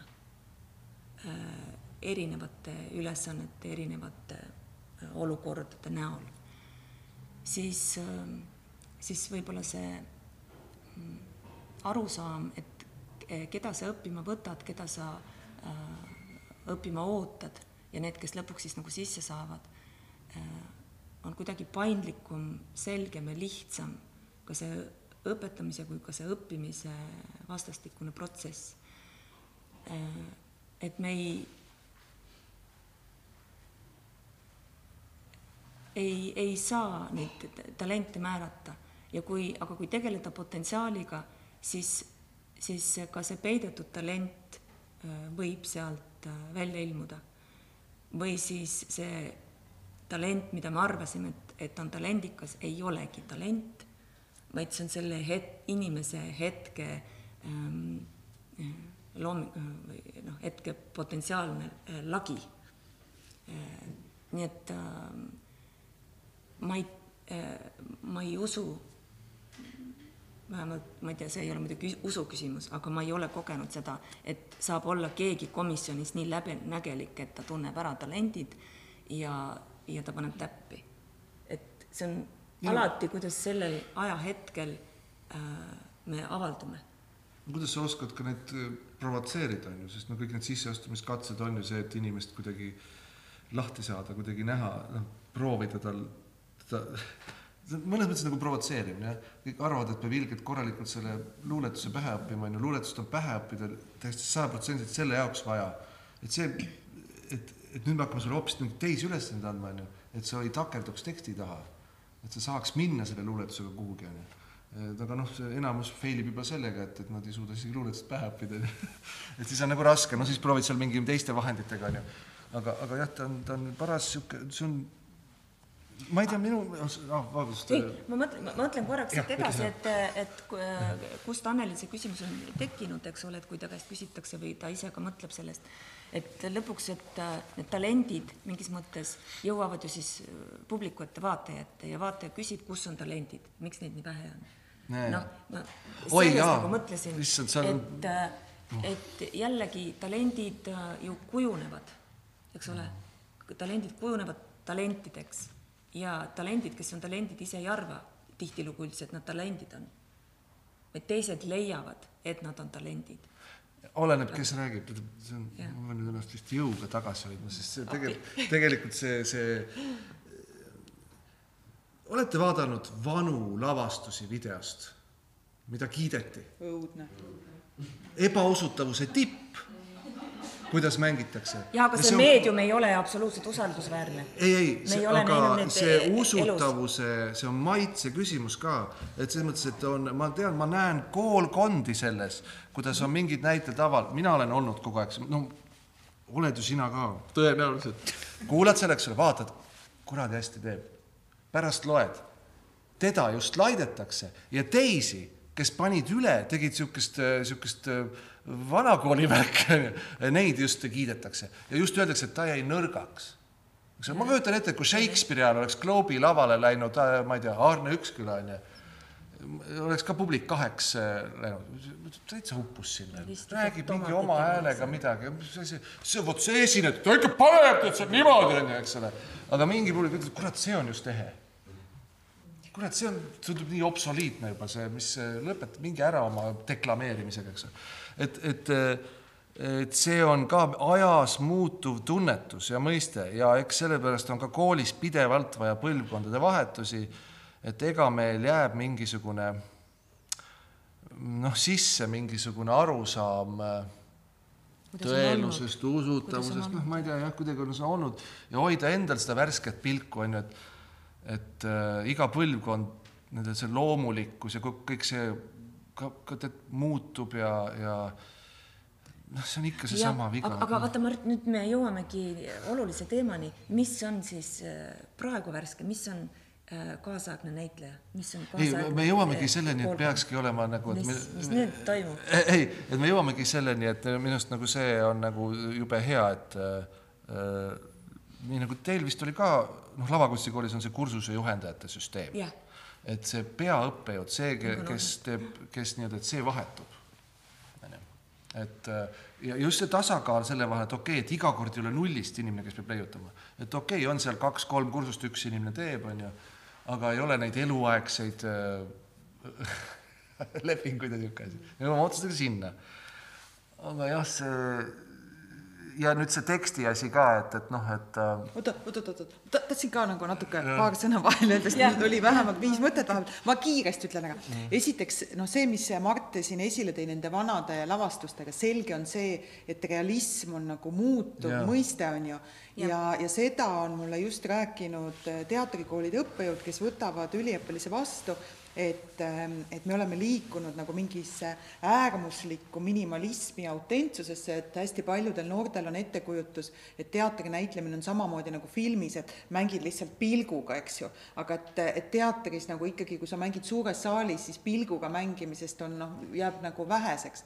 et mulle tundub ka, et, et praegu on liigutud nagu sellisesse noh, äärmisse mitteteatraalsusesse, aga eile meil oli pärast äh, Lehman Brothersi etendust äh, siis kohtumine lavastaja ja Priit Võigemastiga eks ju, Võigemast mängis siin, siin nii Kuritöös ja karistuses kui ka selles Lehman Brothersis. Ja arutasime nagu ka seda tema rolliloomet ja tegelikult mõlemad need rollid, see Profiri Petrovitš ja, ja ka need erinevad rollid seal Lehmanis on, on noh, et Võigemast mängib jälle väga teatraalselt, eks ju, ja ta sai tegelikult eelmise aasta siis parima meesosatäitja preemia, et mulle ikkagi tundub, et, et me oleme nüüd jõudnud seal tipus ära käia, eks ju, või nagu sellises erilises minimalistlikkuses, autentsuses ja kuidagi nagu soov ka natuke rohkem sellist ekspressiivset teatraalsust. Või ka ütleme, see mm, Pigem ei, eks ju, von Krahli teatris, mis tegelikult on väga teatraalne, et, et see on noh, ikkagi see on nagu, ta on värske või erinev, sest et selle üldisel taustal, nii, aga ma tahtsin tulla nende talentide juurde tagasi ühesõnaga. teatraalne ma... performatiivses mõttes, selles mõttes see ei ole see, et sa mängid Näit, nagu psühholoogiliselt, psühholoogiliselt selle suureks mm, -hmm. et, et äh, vaid äh, see, see Priidu roll seal kuriteoskaristuses ja ka just eriti Pigem ei näide, et seal on näitlejal mingi lisatasand, mis tal võimaldab tekitada mm -hmm. sellise äh, noh, et seal on nagu see pull mm. või see ülemängimine või, või mis iganes on sinna sisse kodeeritud mm. -hmm ja see tuleb lavastusest. just rolli, eks ju. ei, mitte rolli, just etendusolukorda, see on okay. ju performatiivsus, ehk siis see on nüüd see etenduskunsti nüanss on seal juures mm -hmm. minu arust. väga ilus ja nii, aga tahtsin tulla selle talendi juurde sest et mina kujutan kogu aeg ette, kui ma tänaval kõnnin, et iga teine inimene, kes mulle vastu tuleb, on käinud teatrikooli katsetel ja teda pole nagu vastu võetud. Ja teda kogu aeg nagu närib kogu elu, kusjuures paljude puhul see ongi tõsi, et miks mind ei ole võetud vastu teatrikooli ja miks need nõmedad õppejõud ei ole minu annet või talenti nagu näinud, eks ju ja siis teine asi, et ma just jõulude ajal lugesin nii Merle Karusoo raamatut Pansost, kus ta, eks ju, kirjutab seitsmendast lennust, aga lugesin ka seda Iivika Silleri raamatut, kus ta ka kirjutab oma õpilastest, on ju. Ja tõesti, et seal on noh, mitmeid selliseid juhtumeid, kus praegu väga tuntud legendaarsed näitlejad, et kuidas nad peaaegu oleks teatrikoolist välja kukkunud, sest neid peeti täiesti andetuteks, eks ju aga ma arvan, et, et need on ikkagi pigem võib-olla erandid, et minu meelest noh, see oleks nagu ohtlik, kui me siin ütleme, et jaa, tihti ongi nii, et, et ikkagi me ei tunne neid Annet ära ja võibki olla, et me peame, et see on täiesti andetu tüüp, aga lõpuks pärast kooli lõpetamist tuleb välja, et üle aegade selline nagu andekas. või, või kuidas teie ütlete, te olete olnud kursuse juhendajad et vaadates nagu üldiselt või püüdes üldistada seda, et, et kas te olete alati ande ära tundnud, kas on toimunud mingeid üllatusi, kas on toimunud seda, et, et leiate, et oo, et see on väga andekas tüüp, aga siis see anne nagu tuhmub kooli ajal või ka hiljem pärast, et et ikka, et noh, et, et räägime veel natuke sellest andest, et mis asi see on, et kas see on midagi, mis sul on nagu looduslikult kaasa sündinud ja siis ta sul on võõrandamatu omadusena, on ju, või on see mingi asi, mis mida noh, ma ei tea, sul vahepeal on ja vahepeal ei ole, millega sa pead, ma ei tea, nagu aeda harima või et, et kas te oskate, just nagu ma mõtlen kõikide nende inimeste peale, kes pole saanud teatrikooli sisse ja kellel on see tunne, et nende annet pole nähtud, et, et võib-olla ei ole see teatrikooli anne lihtsalt, noh issand jumal, see on ju lihtsalt ainult üks väike haru elust. ei no ma ei tea, mina olen näinud vist noh, juures olnud nüüd ninapidi vist kolmel-neljal vastuvõtuprotsessil või noh, ja veel olen neid näinud, et ega, ega see on niimoodi, et vist koosneb kahest osast, üks asi on see, et kas sul on seal mingisugune noh, mingi loomulik anne ja teine asi on see, et kui palju sa siis elu jooksul oled neid plokke peale saanud mm. -hmm. sest noh, kui me läheme kooli, liigume ühiskonda sisenema hakkame, lasteaeda läheme, lõpetame oma tütre pealt juba onju, õpib kohe häbenema, õpib, tead mingid tabud selgeks ja kuidagi ja nüüd hakkab see kunstlikkus või see võltsus pihta, see tuleb ühest ühiskonnast ja nüüd okei okay,, et sa pead saama need plokid tal maha kuidagi, et, et avalduks mingi tema sisemine loomulikkus ja siis sa saad kuidagi mõõta või noh, vaadata, tunnetada, et noh, kas tal oleks potentsiaali ka siis nagu piisavalt paindlik ja loominguline olla, on ju, et teatris hakkama saada, et see koosneb kahest osast. nüüd, mis minu kogemus on see, et ähm, suhteliselt noh, ütleme, kõlab julmalt, aga noh, nagu suhteliselt lihtne on ikkagi esimestes voorudes.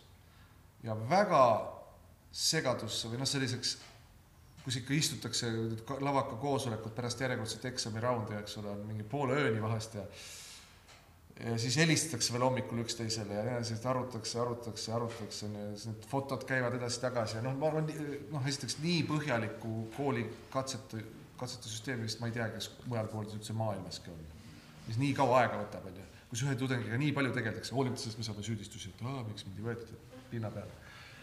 ja, ja siis lõpus, kui sul on, ma ei tea, kakskümmend viis inimest seal viimases voorus ja nüüd nendest on vaja mingi kaheksateist valida, vot siis läheb küll nii, et seal minnakse tead karvapidi kallale seal komisjonis üksteisele onju, et see, see läheb juba nii peeneks, et ja seal ongi juhtumeid, kus mina ise olen seda teinud, kus meie kursuselt jäi üks inimene välja.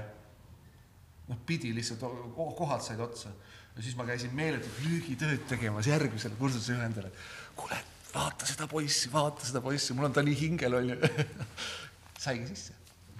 et ja väga hästi teeb, et, et ja, ja hiljem avaldub, enda kursusel hiljem näed, eks ole, algus jah, on kinni, kinni, saab kuidagi viimasena, noh, nii-öelda viimasena sisse.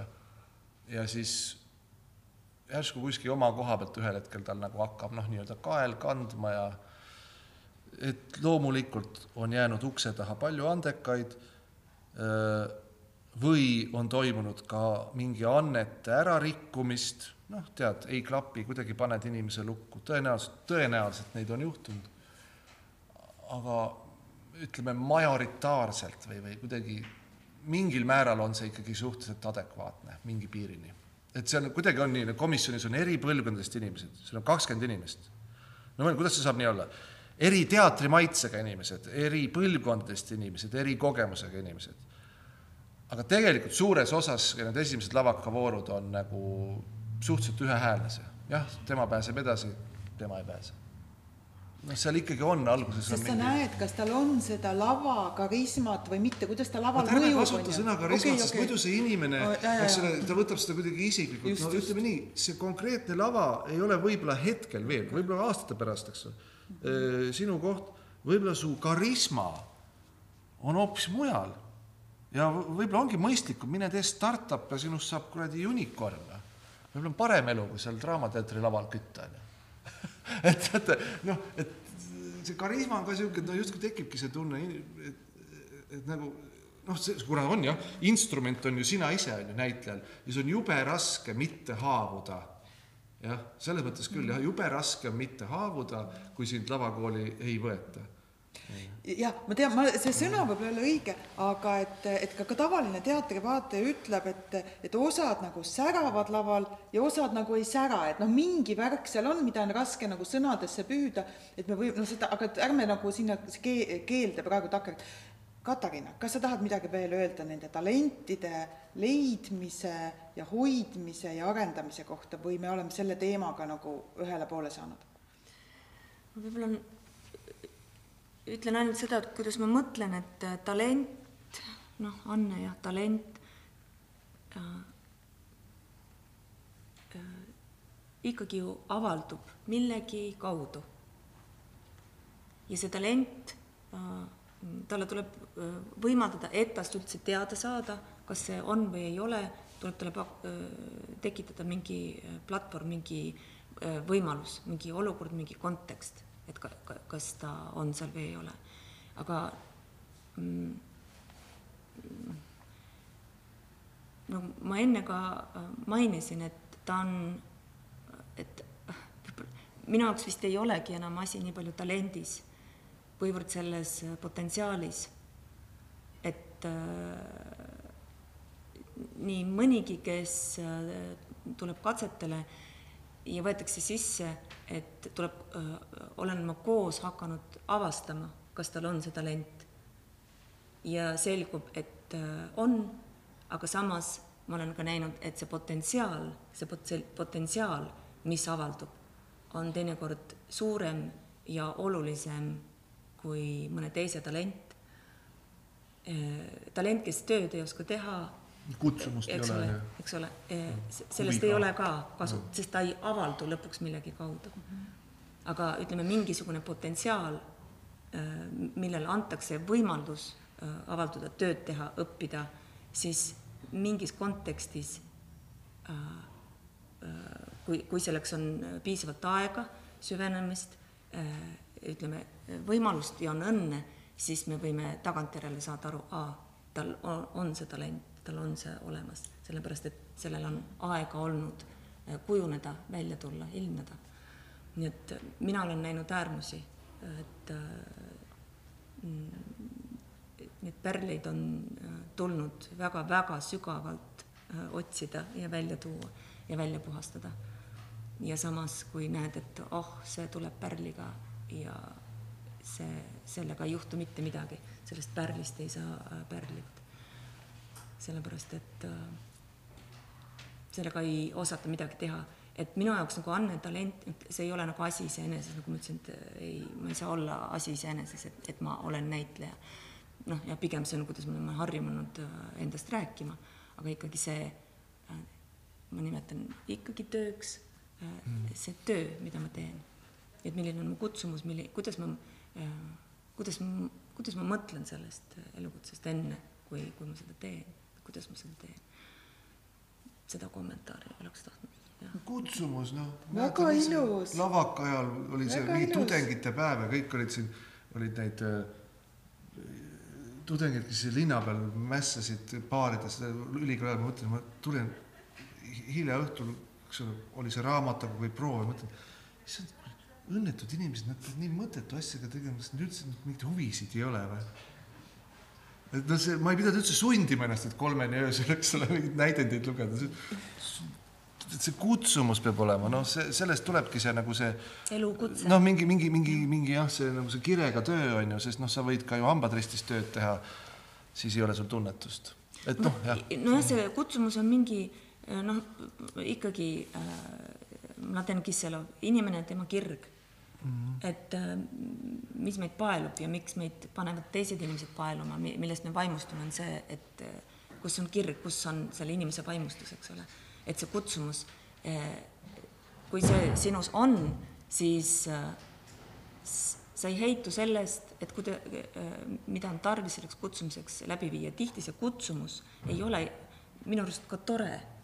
ta on, ta jah et ta, et ta ei, et ta ei pruugi olla tore. et äh, mina küll äh, tunnen vahel, et, et minu kutsum-, et see on mu kutsumus, aga ma pean sellega toime tulema. tekitab vaevusi. vaevusi, jah kõrvalnähtusid, päris tugevaid. et sellega tuleb tegeleda. aga, aga ma tegelen sellega ja otsin, et millised on need tingimused, et eh, kuidas sellega nagu tegeleda ja samas on ta ka nagu hakkamasaamise äh,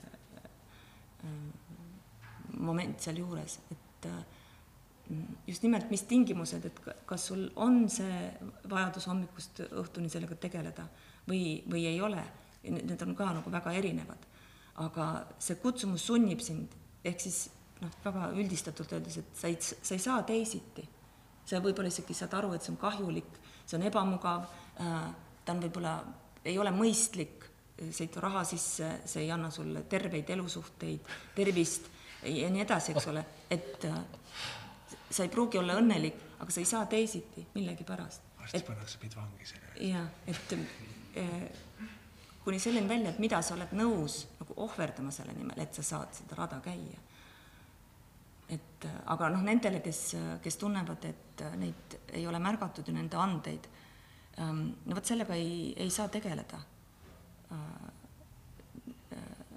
See on mingisugune teadmine, millega ei ole midagi pihta hakata.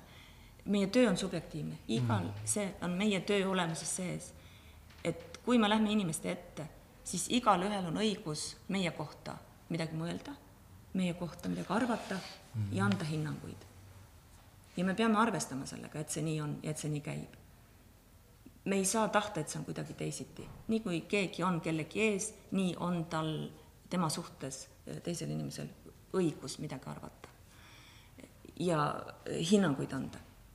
on sarmi, ei ole sarmi, ühe meelest on, teise meelest ei ole, mulle meeldib, mulle ei meeldi ja nii see käib. ehk siis, mis ma tahan öelda, see on subjektiivne.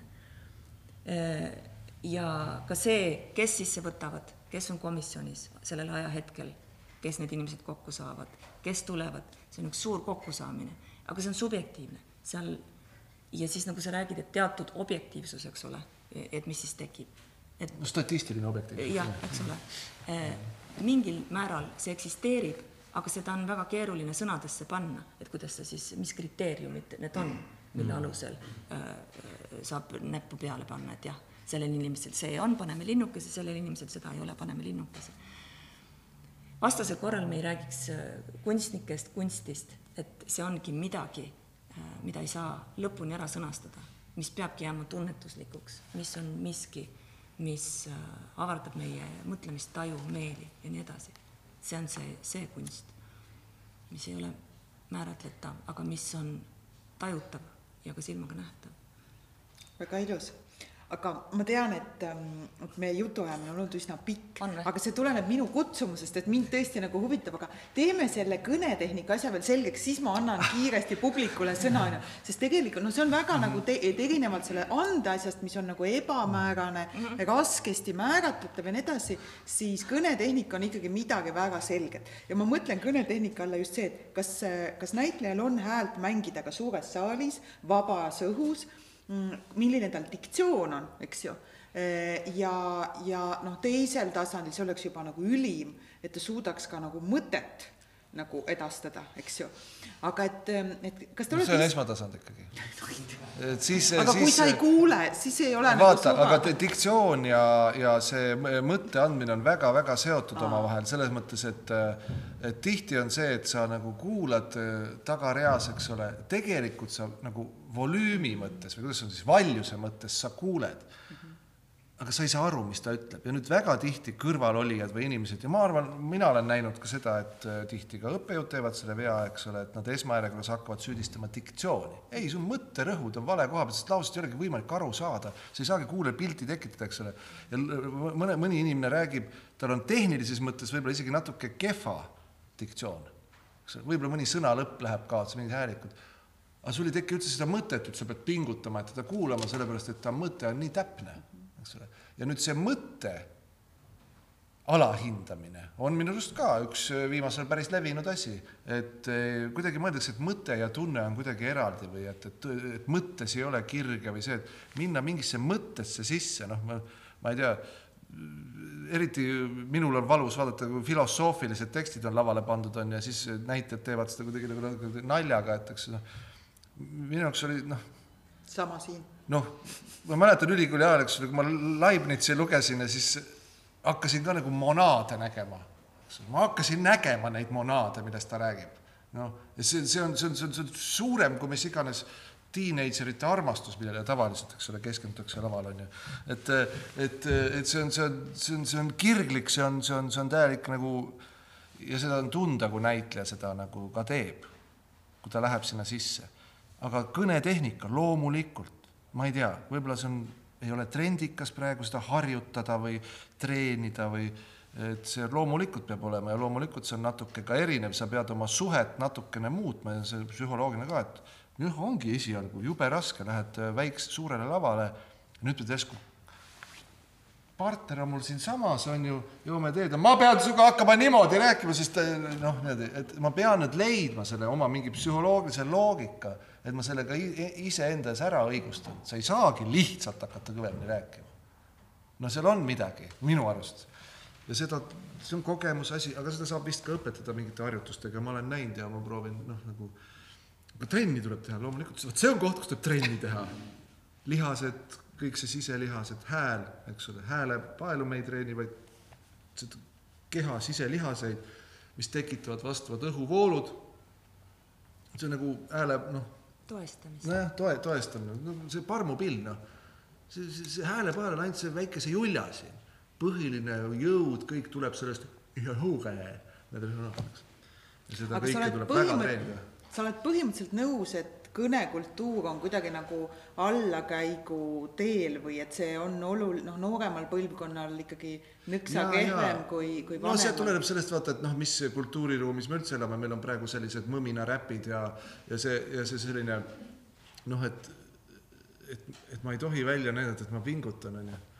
et noh, et oleks võimalikult nagu, eks ole, cool. et, et see jätab oma jälje, jah. aga siis ei ole midagi traagilist sellest saab üle. ja, ja see on ka omamoodi huvitav, eks ju. aga nüüd põhimõtteliselt jah, et noh, kui noh, ilmselt koolis ja noh, see, see, see kultuur, mis ümbritseb seda üliõpilast, kes tuleb, on ju, või, või seda noort, on ju, noh, seal, seal on palju ja siis noh, kõik see lühendites kirjutamine ja noh, enamus inimesi ju ei tohi helistada ju noorel inimesel, noorel inimesel pead sa sõnumineerima, on ju. helistad, siis sa oled nii old school, et noh, et see on, eks ole, ja siis noh, sa ei hakka kõiki sõnu üldse välja kirjutama, on ju sa kirjutad lühendites, noh, ja nüüd see jääb sulle tegelikult psühholoogiliselt ka sisse. sa räägid ka nii, et noh, viskan sõna esimese otsa välja, ülejäänud juba küll tuleb. hoiame seda kuradi neid tippimist kokku, on ju. et see on, see on kõik üks süsteem ja see on selge, et praegune põlvkond jah, elab sellises kõnekultuuris, kus üritatakse võimalikult optimaalne olla võimalikult vähe tähti, nii kirjutada kui välja öelda, on ju ja see on alateadlikult sees ja sellega tuleb eraldi nagu tegeleda, kunagi oli see võib-olla üldfoon lihtsam. ma muidugi arvan, et, annan kohe sulle sõna, ma arvan muidugi, et Panso ja Reet Neiimaa rääkisid täpselt sama juttu, mida meie sinuga praegu siin räägime. ja, ja noorus on, nagu mul üks tuttav ütles, noorus on juba viimased kaks tuhat aastat hukas olnud, et noh, et iga kord on seesama, noh, et mis asja, noh muidugi. aga Katariina, et sina õpetad just ka näitlejatööd, et et kas sa oled ka nagu, oled sa nõus sellega ja kas sa oled ka mõelnud, et eh, kuidas seda saab üldse nagu õpetada ja parandada ja kas siin saab jälle kogu vastutuse panna koolile või noh, minu meelest Mart väga huvitav seletas nagu sellist sotsiaalpsühholoogilist asja, mis võib noh, ma arvan küll mõjutada, et mis sa, mis sa oled mõelnud, et kas kas me saaksime midagi teha, meie nagu? Äh, noh, ma saan öelda, mida mina teen. Äh, et äh, muidugi on teinekord õpilasi, kes tõlgivad eesti keelt. Tähendab inglise keelest eesti keelde. et suhtlemine on äh, keeruline, et ei leita vasteid ja siis käänatakse neid äh, anglitsisme. Mm.. aga noh, mina mõtlen sellest niimoodi, et see on teatud muster, teatud harjumus, millega me oleme mm, harjunud elama, aga oma harjumusmustreid saab ümber harjutada, ümber kirjutada, ümber, nii nagu sa alguses ka ütlesid, et me võtame mingid osad lahti, me harjutame seda mingi terviku äh, osadeks võtmist ja siis me harjutame, kuidas selle kokku panna, et olla millegi äh, teenistuses, eks ole, mingi mm. idee, mõte, noh nagu äh, nagu see on, et tervikpilt on lõpuks see, mis meid juhib ja et me ei mõtle enam sellele, kuidas me toimime või me äh, saame kooskõlas nagu toimida. et ähm, äh, ma soodustan oma äh, töös või õpetades rääkimist, äh, küsimustele kü- küsimus-vastused, arutlemist. väga suures osas võib öelda see, mida ma teen, on, et ma mõtlen valjusti äh, õpilaste juuresolekul või koos õpilastega. ma panen nad olukorda, et nad äh, räägivad sellest, me arutleme sellest, nad äh, saavad arvamust avaldada mm, mida tehakse, mida nad näevad, mida nad kogevad, siis üks teine selline mäng, mida ma olen pakkunud ja see on nagu vastu võetud, et näiteks kõik rus-, mingisugused üldlevinud russitsismid ja anglitsismid lähevad maksu alla. ma olen ki-, ma olen kinkinud oma kursustele need rahakassad, kursusel on nagunii kursuse raha vaja okei okay,, tšau, pakaa, davai, davaiks, noh, kõik sellised asjad. palju maksab üks äh, anglitsism? kakskümmend senti. ma pean nüüd sularaha välja võtma siis, kui ma koos koju lähen. ja, ja rääkimata sellest, eks ole, see on mäng, nad võtsid selle vastu ja, ja kui sa hakkad, see sunnib nagu märkama, ei, ei, üks asi on see, et minu erialatunnis on see tasuline, ma küsin, kas nad on, soovivad seda, nad soovivad seda ja rääkimata, et ma seda enda juures äh, silmas pean. kas sa ise oled ka maksnud sinna kassasse? jah, ikka. hea. aga see äh, ja minu tunnis on tasuline, aga väljaspool erialaruume äh, tuleb teha kükk. olenemata, kus sa oled, ma olen ka presidendi vastuvõtul teinud küki. Kui ma avastasin, et, et mul see tuleb kuskilt, see okei okay tuli ühesõnaga, ja see on kohusetundlik asi, see õpetab inimest ka võtma vastutuse sellest, rääkinud sellest, et näitab head eeskuju. ja siis, kui sa füüsilisel tasandil saad aru, milline su muster on, kui sa kükitad ja kükitad ja kükitad ja teised küsivad, mis sul viga on. ja rääkimata vanemad pereringis, eks ole, et, et mis juhtub, mis toimub nende minu, eks ole, pojaga, tütrega, mis te teete seal et miks sa imelikult oled hakanud rääkima, miks sa suhtled nii imelikult, kuigi see tähendab seda, et, et sunnitakse ennast vestlema, ennast avaldama väljendama eesti keeles. et suudetakse öelda mõtet, suudetakse öelda lihtlause ja siis võib-olla isegi mingi kobarmõte tuleb sinna takkaotsa. et näiteks sellised asjad, äh, muidugi äh, see kõik kaob, aga mingi illusioon vähemalt mingil hetkel minu ümber tekib, et need õpilased enam ei äh, tšauta, pakata, davaita, et äh, no näiteks selline pakkumine, et, meil on, et nad saavad selle kogemuse, et meil on võimalus oma harjumusi ümber muuta ja see tähendab ka, et see ongi töö mm.. me saame sellega te tegeleda. et kui ei moodustu eesti keeles, moodustub esimese hooga inglise keeles, eks ole, siis on keeruline just, kui oled kellegagi suhelnud inglise keeles, ümber lülituda.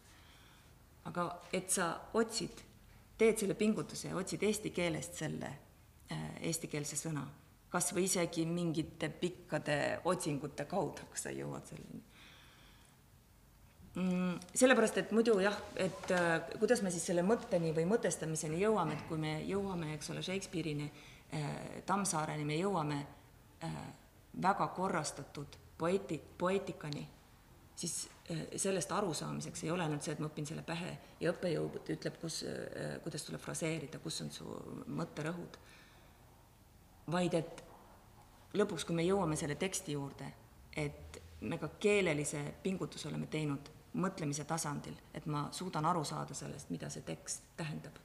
et milline, millised on selle teksti omapärad äh,, omadused, et äh, ja, ja siis jõuda jah, sealt edasi loominguni nii põnev mäng, ma tahaks seda ise hakata mängima Palun. oma üliõpilastega, onju. saaks palju raha rahakassa tuleb kinkida, hästi ja. ilus rahakassa ja öelda, et siit saab raha pärast kätte.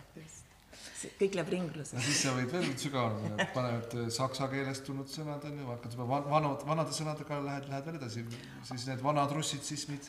aga ingliskeelsed mm. oleksid kõige kallimad, et need oleks kindlasti kakskümmend senti. palju okei okay kurss on praegu? see on ka see, kuidas, kuidas tahad. viiskümmend senti või? Et kakskümmend oli? kakskümmend on. kõik on eurot? ei, ei, senti. aa, kakskümmend senti, üks okeiga. ja lõpuks äh, tudengid jõudsid ise sinnamaale, et äh, nad hakkasid nägema, kui palju nad nagutavad. nagu see, nagu, nagu, nagu ja siis nad panid, nad iseseisvalt panid nagu maksu alla. Siis nad leidsid veel mingisuguseid äh, neid Parasiite. vot see Para- nagu, nagu on nagu on päris huvitav, sest minu arust nagu tuleb tegelikult inglise noorte kultuurist, sest nemad räägivad see it's like, it's like, it's like, it's Jah, like, it's you know, like. you know, you know, you know, you know. see vaatamine ka ju vaata. selle nad suutsid ära tõlkida. vaata, vaata, eks ole, vaata, see vaatamine ka. väga rikkuge mu saadet, palun. aga nüüd on võimalik publikul tõesti küsida, et kui te küsite tugeva häälega, siis ma usun, see jääb ka siia lindile. Madli, palun. Ma ta- sooviksin oma erialast lähtuvalt küsida natukene intrigeeriva küsimuse, et kas teie arvates äh, teatri teoreetiline äh, õpe mm, ja teatrikriitikute, uurijate õpetamine võiks olla ka äh, teatrikoolis ühiselt, ühes teatrikoolis? miks mitte, selles mõttes, et mis on nende plussid ja miinused? no vaata, eks see, eks see õppeprogramm on natuke erinev, on ju, et noh, aga need inimesed võiksid omavahel suhelda ja kuidagi arutleda asjadest, sest noh, teatriteooria ikkagi annab ka mingeid tööriistu, kuidas on ikkagi võib-olla mõistlikumalt või vähe täpsemalt asjadest ikkagi rääkida, sest noh, see keel, mis tavaliselt võib-olla loojad omavahel räägivad, see on ikka müstika, no see on, see on noh, tihti, tihti on igalühel see e-, erinev keel ja siis ongi, et kümme aastat pead ühe lavastaja juures töötama, siis hakkad alles aru saama, noh, et mis ta millega mõtleb ja nii edasi. et ütleme, teatriteadus ikkagi püüdleb vähe universaalsema keele poole, aga noh, samas on siin ka see, et eks ole, eks see ornitoloog ja linnulaul on ju, et linnu, noh, linnul on täitsa ükskõik, mida ornitoloog tema laulust arvab, onju. et noh, see, ma, ma ei mõtle ükskõik selles mõttes, et hinnanguliselt, vaid et noh, et sel hetkel, kui sa oled loomeaktis, noh, sa sa ei saa nagu seda vaatepunkti omaks võtta, onju. Sa pead keskenduma laulule, onju. et äh, aga mingeid ühise aineid ja asju oleks ka, põhiline mina ütlen see, et ikkagi äh, seltskond loeb väga palju ja kui kuidagi nad äh, asuksid kuidagi koos nagu olekski selline campus kus äh, kõik teatriosakonnad koos kuidagi õpivad ja seal siis muruheine peal äh, aeg-ajalt äh, ikkagi saadakse ka rohkem kokku räägitakse, võib-olla selles on kindlasti omad plussid. No Viljandi on ju ka minule teadaolevalt äh, seda ka soodustanud, et võimaldada teatriteadlastel äh, äh, tulla Viljandisse ma tean, et Jaanika Johanson tegeles selle, selle ühisaine loomisega ja nende võimalustega mm,. mina olen alati öelnud, et minu nii-öelda eriala uksed on avatud. et kui, kui need erialad mingis mõttes on seotud isegi äh, mingisugusel teoreetilisel tasandil mingisuguses ühises mõtteruumis ollakse ju ometi. ja et äh, tulla ja vaadata, kuidas need õpped on, kuidas see õpe käib, olla mingis erialatunnis näiteks, saada aimu äh, sellest, kuidas on loominguline protsess, kuidas see toimub. mina leian, et mida rohkem me teada saame, kuidas keegi oma tööd teeb või kuidas ta õpib või mis protsesse ta läbib, seda paremini me suudame teadvustada, mõtestada seda, mida me ise teeme. Nii et ma arvan, see ringlus tuleb, tuleks igati kasuks, mina soodustaks ja soosiks seda, ma ei oska öelda praegu lahendusi, aga, aga põhimõtteliselt see on jälle minu arust visiooni tasandil, kuidas õppejõud, õppekavad, programmijuhid äh, kokku saavad, kuidas nad näevad, et mida saaks pakkuda. Nagu ma enne seda nimetasin, et see, et milles see ühisosa seisneb, kui äh, õppetasandil või õppe koordineerimise tasandil otsitakse neid ühisosi, siis see on väga-väga rikastav, absoluutselt. samas on koht, eks ole, et kui sul on samad autoriteedid, siis tekib see pime noh, vaata noh, on see pime, pimesoon nagu või? noh, mida sa ise ei pane, kui sa oled asjas sees, teed seda, on ju, pead seda pühaks ja sa ei pane kahtluse alla mingeid asju. nagu noh, et vot näed, ma ei tea, psühholoogiline realism, Stanislavski, mis iganes et, et kui sa teisest koolist tuleb inimene, siis põrkud temaga, temal on hoopis teine, temal ei ole üldse neid varje või noh, neid selliseid pimessoone on ju. et ega, ega tegelikult see erinevates ülikoolides erinevate autoriteetide käe all kasvanud inimeste noh, on ka oma eelis on ju, et mulle meeldis ka see, mis sa rääkisid linnust ja linnulaulust, et või ornitoloogist ja, linnust, et, et tähendab, et tõesti, seal on plusse ja miinused, aga, aga nagu me teame, et see on ka ohtlik, kui ornitoloog hakkab nagu mingit lindu armastama. ta ja. nagu peab seda lindu, näiteks sinu nagu töö on mitte armastada just, teatrit. ei noh, armastada ei, minu töö on armastada linnulaulu, aga mitte lindu. jah just, täpselt ja, jah, et see, seda ma näen jah nagu ohuna või nagu, et aga iseenesest ega võib-olla see Eestis ikkagi noh, kus me vaatame, et järjest rohkem ikkagi on oluline see mingi mõttekaaslus ja, ja kollektiivne loome, eks ju. et meil tuleb ka üheksandal oktoobril Tallinnas Keller teatris konverents Uued teatri tegemise ja kogemise viisid, kõik on teretulnud, kus me nagu noh, vähemalt üks hüpotees on ikkagi see, et kahekümne, võib-olla jääbki kahekümnes sajand nagu niisuguseks lavastaja sajandiks, kus lavastaja kui autoritaarne geenius tuli ja, ja lõi mingisuguseid äh, imelisi kunstiteoseid, et mulle tundub, et kahekümne esimene sajand on ikkagi hästi palju koosloome äh, koosloomeaeg, et kus noh, on väga oluline ka need teised kunstnikud, eks ju, me respekteerime seda, et muusikaline kujundaja ja videokujundaja, stseenograaf, nad on kõik olulised, eks ju, et näitlejad tegelikult aitavad luua seda sisu ja sõnumit ja teksti ja nii edasi et siis noh, iseenesest ma näen, et siin on, see on, see võib, on ka problemaatiline, et Eestis üleüldse näiteks, et ikkagi lavakujundajaid õpetatakse hoopiski eraldi ja, ja seal nende õppetöö noh, ütleme sünkroniseerimine kas või lavakaga on olnud, eks ju, aastaid nagu keeruline ja nii edasi. alati on see logistika ja, taha jääb, noh lihtsalt nii, noh, alati seda arutatakse, alati see võetakse ette, on ju, ja siis hakatakse seda konkreetset case'i ajama, siis selgub, et no aga me ei saa aega klappi, lihtsalt just, ei saa see on nagu passianss, noh. see on nagu kahe teatri vahel näitlejate jagamine, noh, et see on nii, nii keeruline. nii et iseenesest, kui, no ma tean, kuidas kõrgharidusinstitutsioonid töötavad, kui see ei oleks nii keeruline, siis minu meelest võiks teha niisuguse eksperimendi, et umbes viieks aastaks koondada kõik need teatri erialad koos selle rahastusega, mida nad saavad oma koduülikoolis, lihtsalt mingisse ühte kohta, no ma ei tea, kas või Paidesse, on ju, siis ei teki vaidlust, et kas Tallinn või Tartu või Viljandi, on ju, et see oleks hoopis mingi muu koht. Ja, ja vaataks nagu eksperimentaalselt, et, et kas sellel on mingit mõju või ei ole ja mis mõju on, sest lihtsam on ju ikkagi see, et õppejõud sõidavad, kui üliõpilased, eks ju, sõidavad linnade vahel. aga noh, võingi kohe võtta teie entusiasmi maha, et see on tegelikult väga, väga keeruline, sest ükski noh, kõrgharidusasutus ei anna raha, eks ju, ära, sest et ta on sõltumatu, ise otsustama, mida ta õpetab, on ju, ja see eriala ja, ja, ja see eelarve, need ei käi nagu niimoodi koos, eks ju, et et see on noh, keeruline, et ma ei usu, et suvepäivi korraldama. kas või jah, või suvekoole või midagi taolist, et lühiajalised laboratoorsed tingimused kuskil keset Eestit, Viljandi, Tartu ja Tallinna vahel, eks ju, et vaadata, kas, kas see selline loomeerialade sünergia ja siis peaks ka ikkagi muusikuid kutsuma ju ka, eks ju, ja, ja, ja nagu ei no vaata, siis hakkab see minema, minema. ja kõik, kõik, kõik, kõik, kõik, siis me jõuame vaadata kehtestuskunsti, kus põhimõtteliselt on arhitektid kohal, insenerid, e-, elektrotehnikud, füüsikud, noh, ja siis ongi, et noh, me oleme noh, kuhugi peab piiri tõmbama, on ju. see oli võib-olla liiga ambitsioonikas.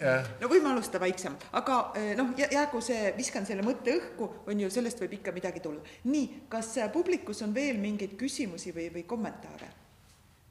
mul oleks küsimus siis äh, näitlejate väljundi kohta. et praegu järjest rohkem läheb vaja, ütleme, või kasutatakse näitlejat kui mitte siis nagu näitleja lavamates, vaid et kus kasutatakse seda liikumise miimika salvestamist, see on siis nagu uue meedia puhul, et mingid äh, mängude, filmide juures mm, -hmm. kus tegelikult äh, noh. pannakse klemmid külge jah, töö on nagu selle liikumise salvestamine, aga väljund on sisuliselt ka umbisikuline, noh et sa ei pruugi olla, sind ennast seal ei nähta. kas sellega üldse tegeldakse? no meil ei ole seda tehnoloogiat, aga üldiselt ega see, selle süva süvaolemus, ma arvan, on sama, ma näitasin oma tudengitele, kus Benedict Camber, kuidas seda hääldas, Cumberbatch jah, mängis mingit kuradi draakonit. Mm -hmm. seal, mis oli, Sõrmuste isand või ma ei tea, ja siis ma nägin neid võtteid seal green room'is, ta oli üleni neid klemme täis. Ja siis mingid patsidega oped seal ümber oli, mitte mingit loomingulist tingimust oli. Ja kuidas ta selle üleni selles rohelises retuus rõvedas kostüümis onju seal aeles seal maal ja ta suutis ennast niimoodi ikkagi sinna sisse viia, sinna seisutisse viia, et see draakon, noh, minu jaoks ei oleks seda anime, anim-, peale animeerimist vaja olnud, onju. korralik rolliloome. täiesti, see on jumalast hardcore kakskümmend euri, nelikümmend senti. ma ei tea, palju tahad, okei okay., eks ole. kui mõelda, mis on hardcore'i sisu, eks ole. aa, no siis, siis see on võib-olla. kui loll sa oled. et, et, et see on nagu nii selle asja nagu tegelikult just, et sellises olukorras suuta oma mentaalsus ja fookus viia nagu nii intensiivselt sinna situatsiooni sisse, see on veel, see on palju raskem olukord kui proovis, kui teatrilaval. ja see nõuab veel tugevamat näitlejatehnikat ja minu arust siin ei ole seda süvatasandil ei ole erinevust, et need näitlejad ideaalis võikski selliseks asjaks võimelised olla, koolist välja tulevad. see on väga hea näide siin, et see praegu tuli, siis, siis see ongi see, mis mind kohutavalt paelub, ongi see, et kus näitekunst veel ennast peidab mm.. nii et tegelikult see on see, kus näitekunst on, kuigi näitleja enda staatus ei ole üldse oluline, et teda vaadatakse, milline ta väljund on, nii edasi. aga see, mida ta teeb, on tema töö. ja seda teeb ta meisterlikult või ühesõnaga, see on see nagu, mida ta taotleb või millest me räägime, ehk siis me räägime asja ülim ohverdus on ju, et see just see case, et vi-, Bruce Willis tegi filmi praegu, lugesin, ma ei ole seda näinud, Venemaal. tegelikult ta ei käinud võtetel. ta müüs oma näo, mis keevitati ette mingile kohalikule näitlejatele, suure kassaga mingi action film. reklaamida võib ka, et Bruce Willis on peaosas, aga ta lihtsalt saatis meili ja küsis selle eest viis miljonit või midagi, eks ole. ja nüüd see näitleja, ma ütlen, kes ta tegelikult sisse mängis vot minu arust see on kõva vend. see on ülim ohverdus ja see ego ja kõik see nagu kaob ära, eks ole, tema ei saa kuulsaks, tema sai sealt ikka, ma ei tea kultuuritöötaja miinimumi. see, nii et äh, näitekunsti tasandil ilma selleta just nimelt, millest me praegu räägime mm, -hmm. ei saa üle ega ümber. see on see, millega me ju tegeleme Jah. lõpuks ja see on lõpuks ka see, mis jõuab siis nii-öelda selle silma kaudu seal äh, filmikunstis, eks ole. ja see, intrigeeriv see ei ole küsimus ainult on see, see et, vaata vasakule-paremale või silm on see, see ei ole nä- näitlejatöö, aga see, et, äh, kuidas ta sellest aru saab, kuidas ta mõtleb sellest, millest ta aru on saanud oma tööd tehes. ja kas see on ai-tatav, ehk siis kas tulevikus võib teha mingi eh, tehisintellekti panna niimoodi, töötleb läbi näitlejate, ma ei tea, mis andmed on ju, ja põhimõtteliselt loodab ise, suudab ise selle loomingu teha. see on hea küsimus. aga ta ei saa seda loomingut teha, kuna see näitleja on enne seda kogu oma karjääriga elukogemusega selle loomingu juba üles ehitanud. no ai renderdab ka läbi tohutu põlvkondade infi ja õpib ise ja noh, iseõppivad süsteemid noh, ma ei tea, see on filosoofiline küsimus, tulevikus ausalt arutatakse ülikoolis sel teemal. sest tegelikult on olemas selline asi nagu robotteater, kus tõepoolest siis koostöös eh, siis robootikafirmade ja, ja siis eh, teatrite vahel eh, siis püütakse kasutada neid, no ma nimetan ikkagi neid roboteid, sest nad ei noh, see on ikkagi nagu masin täielikult, kus nad püüavad nagu imiteerida siis noh, mingite näitlejate näiteks käitumist ja õppida nagu näitlejad niimoodi me, me nägime seda üsna ammu, kas oli kaks tuhat kümme Jaapanis, kus oli üks robot tehtud ühe näitlejanna järgi ja siis nad omavahel suhtlesid. ja tõesti, ta oli üsna inimese sarnane, aga siiski inimene ei ole robotlik ja inimene näiteks pilgutab silmi täiesti mingisugusel suvalisel, tema näolihased tõmblevad ja nüüd, kui me kanut-, selle saalbiennaali ajal nägime ühte ka, ühte robotit, kuhu, kus olid juba ka pandud need lihtsalt mm -hmm. näonärvid nagu noh, täiesti ebaloogiliselt nagu tõmblema, siis, siis see oli juba väga inimlik, sest tõepoolest, et inimeses on nii palju nagu ettearvamatut või või et teda on nagu hästi keeruline nagu järele teha. no siin on väga pikk tee veel, üks, ükski kaameraga, kõige kallim kaamera, mis ja. on tehtud, ei ole veel ligilähedalegi sellele võimekusele, mis on inimsilmal. Mm.. võime fokusseerida, valgustundlikkusega hakkama saada, kogu see, ma, ma ei tea, me räägime tuhande aasta pärast võib-olla sellest, et võib-olla mõni robot hakkab ja, ja ongi, ja meil tekib lühinägelikkus ja kaugnägelikkus ja, ja kõik, mis ja ongi, ongi laupäev kell kaks ja me oleme ennast peaaegu juba transsi rääkinud, eks ju. kas teil on veel midagi, mida te kindlasti tahaksite öelda nüüd seoses teatriharidusega, sest me kandusime sellelt teatrihariduse teemalt, ei pea ütlema, aga kui jäi midagi südamele, mida ma ei küsinud, sest plaanisin küsida hoopis teistsuguseid küsimusi, aga läks niimoodi spontaanselt ja ma olen väga tänulik, et te jagasite minuga oma neid tundeid ja mõtteid. Aga ma annan viimase sõna teile, oleks aus. aga eh, mul on selle üle hea meel, et eh, me ei ole ju, Marko, sinuga väga ammu rääkinud Jah. ja kohtunud ja selles rollis, mis sina nüüd oled, selles rollis, mis mina olen, rollis nagu me oleme jah, tavaliselt oli see, et mina kutsusin teda mängima, ta kogu aeg ütles ära. see oli üks kord ainult. see mõjus Mitte mulle kogu nagu miljon. Äh, aga et äh, ma arvan, sellest kohtumisest nüüd on küll välja kujunenud, et, et nende, mitte selle koolide erinevus, vaid just äh, see variatiivsus või see valikulisus või Valikuvõim- valikuvõimalus, mis nüüd tekkis, jah. on küll äh, üsna selgelt välja koorunud või kuidagi ilmnenud, ütleme ka see, see suund, millega sina tegeled ja see suund va- vastavalt sellele, kus sinu, eks ole, see äh, üksus on seal, seal Teatrimuusika Akadeemia küljes, eks ole. ja samamoodi Viljandi, eks ole, Tartu Ülikooli äh, küljes. et nendes tingimustes, mis me saame teha, äh, oleme vist küll suutnud äh, selgitada ja sõnastada selle, vähemalt mingisuguse perspektiivi, jah, mul ka tunne, mitte nii palju erinevuse, kuivõrd just nimelt äh, selle millist potentsiaali võimaldab, võimaldab võimalused. realiseerida, jah? jah. Näitlejaõpe äh, Tallinnas, näitlejaõpe Viljandis, lavastajaõpe siin ja seal.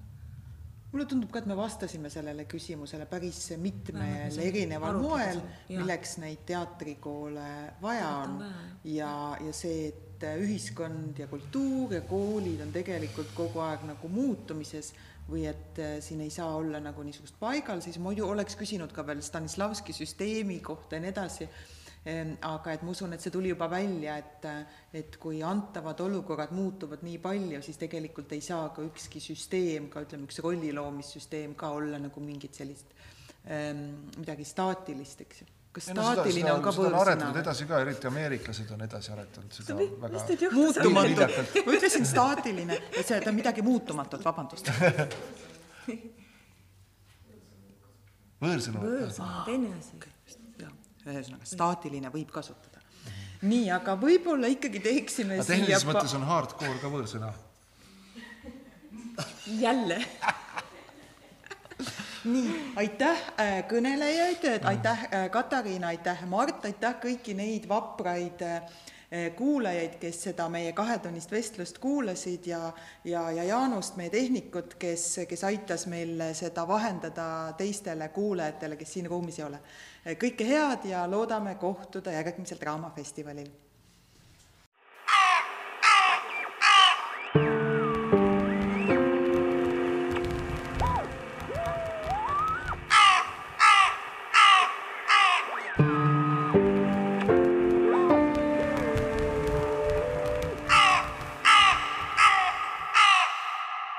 Tartu Hääl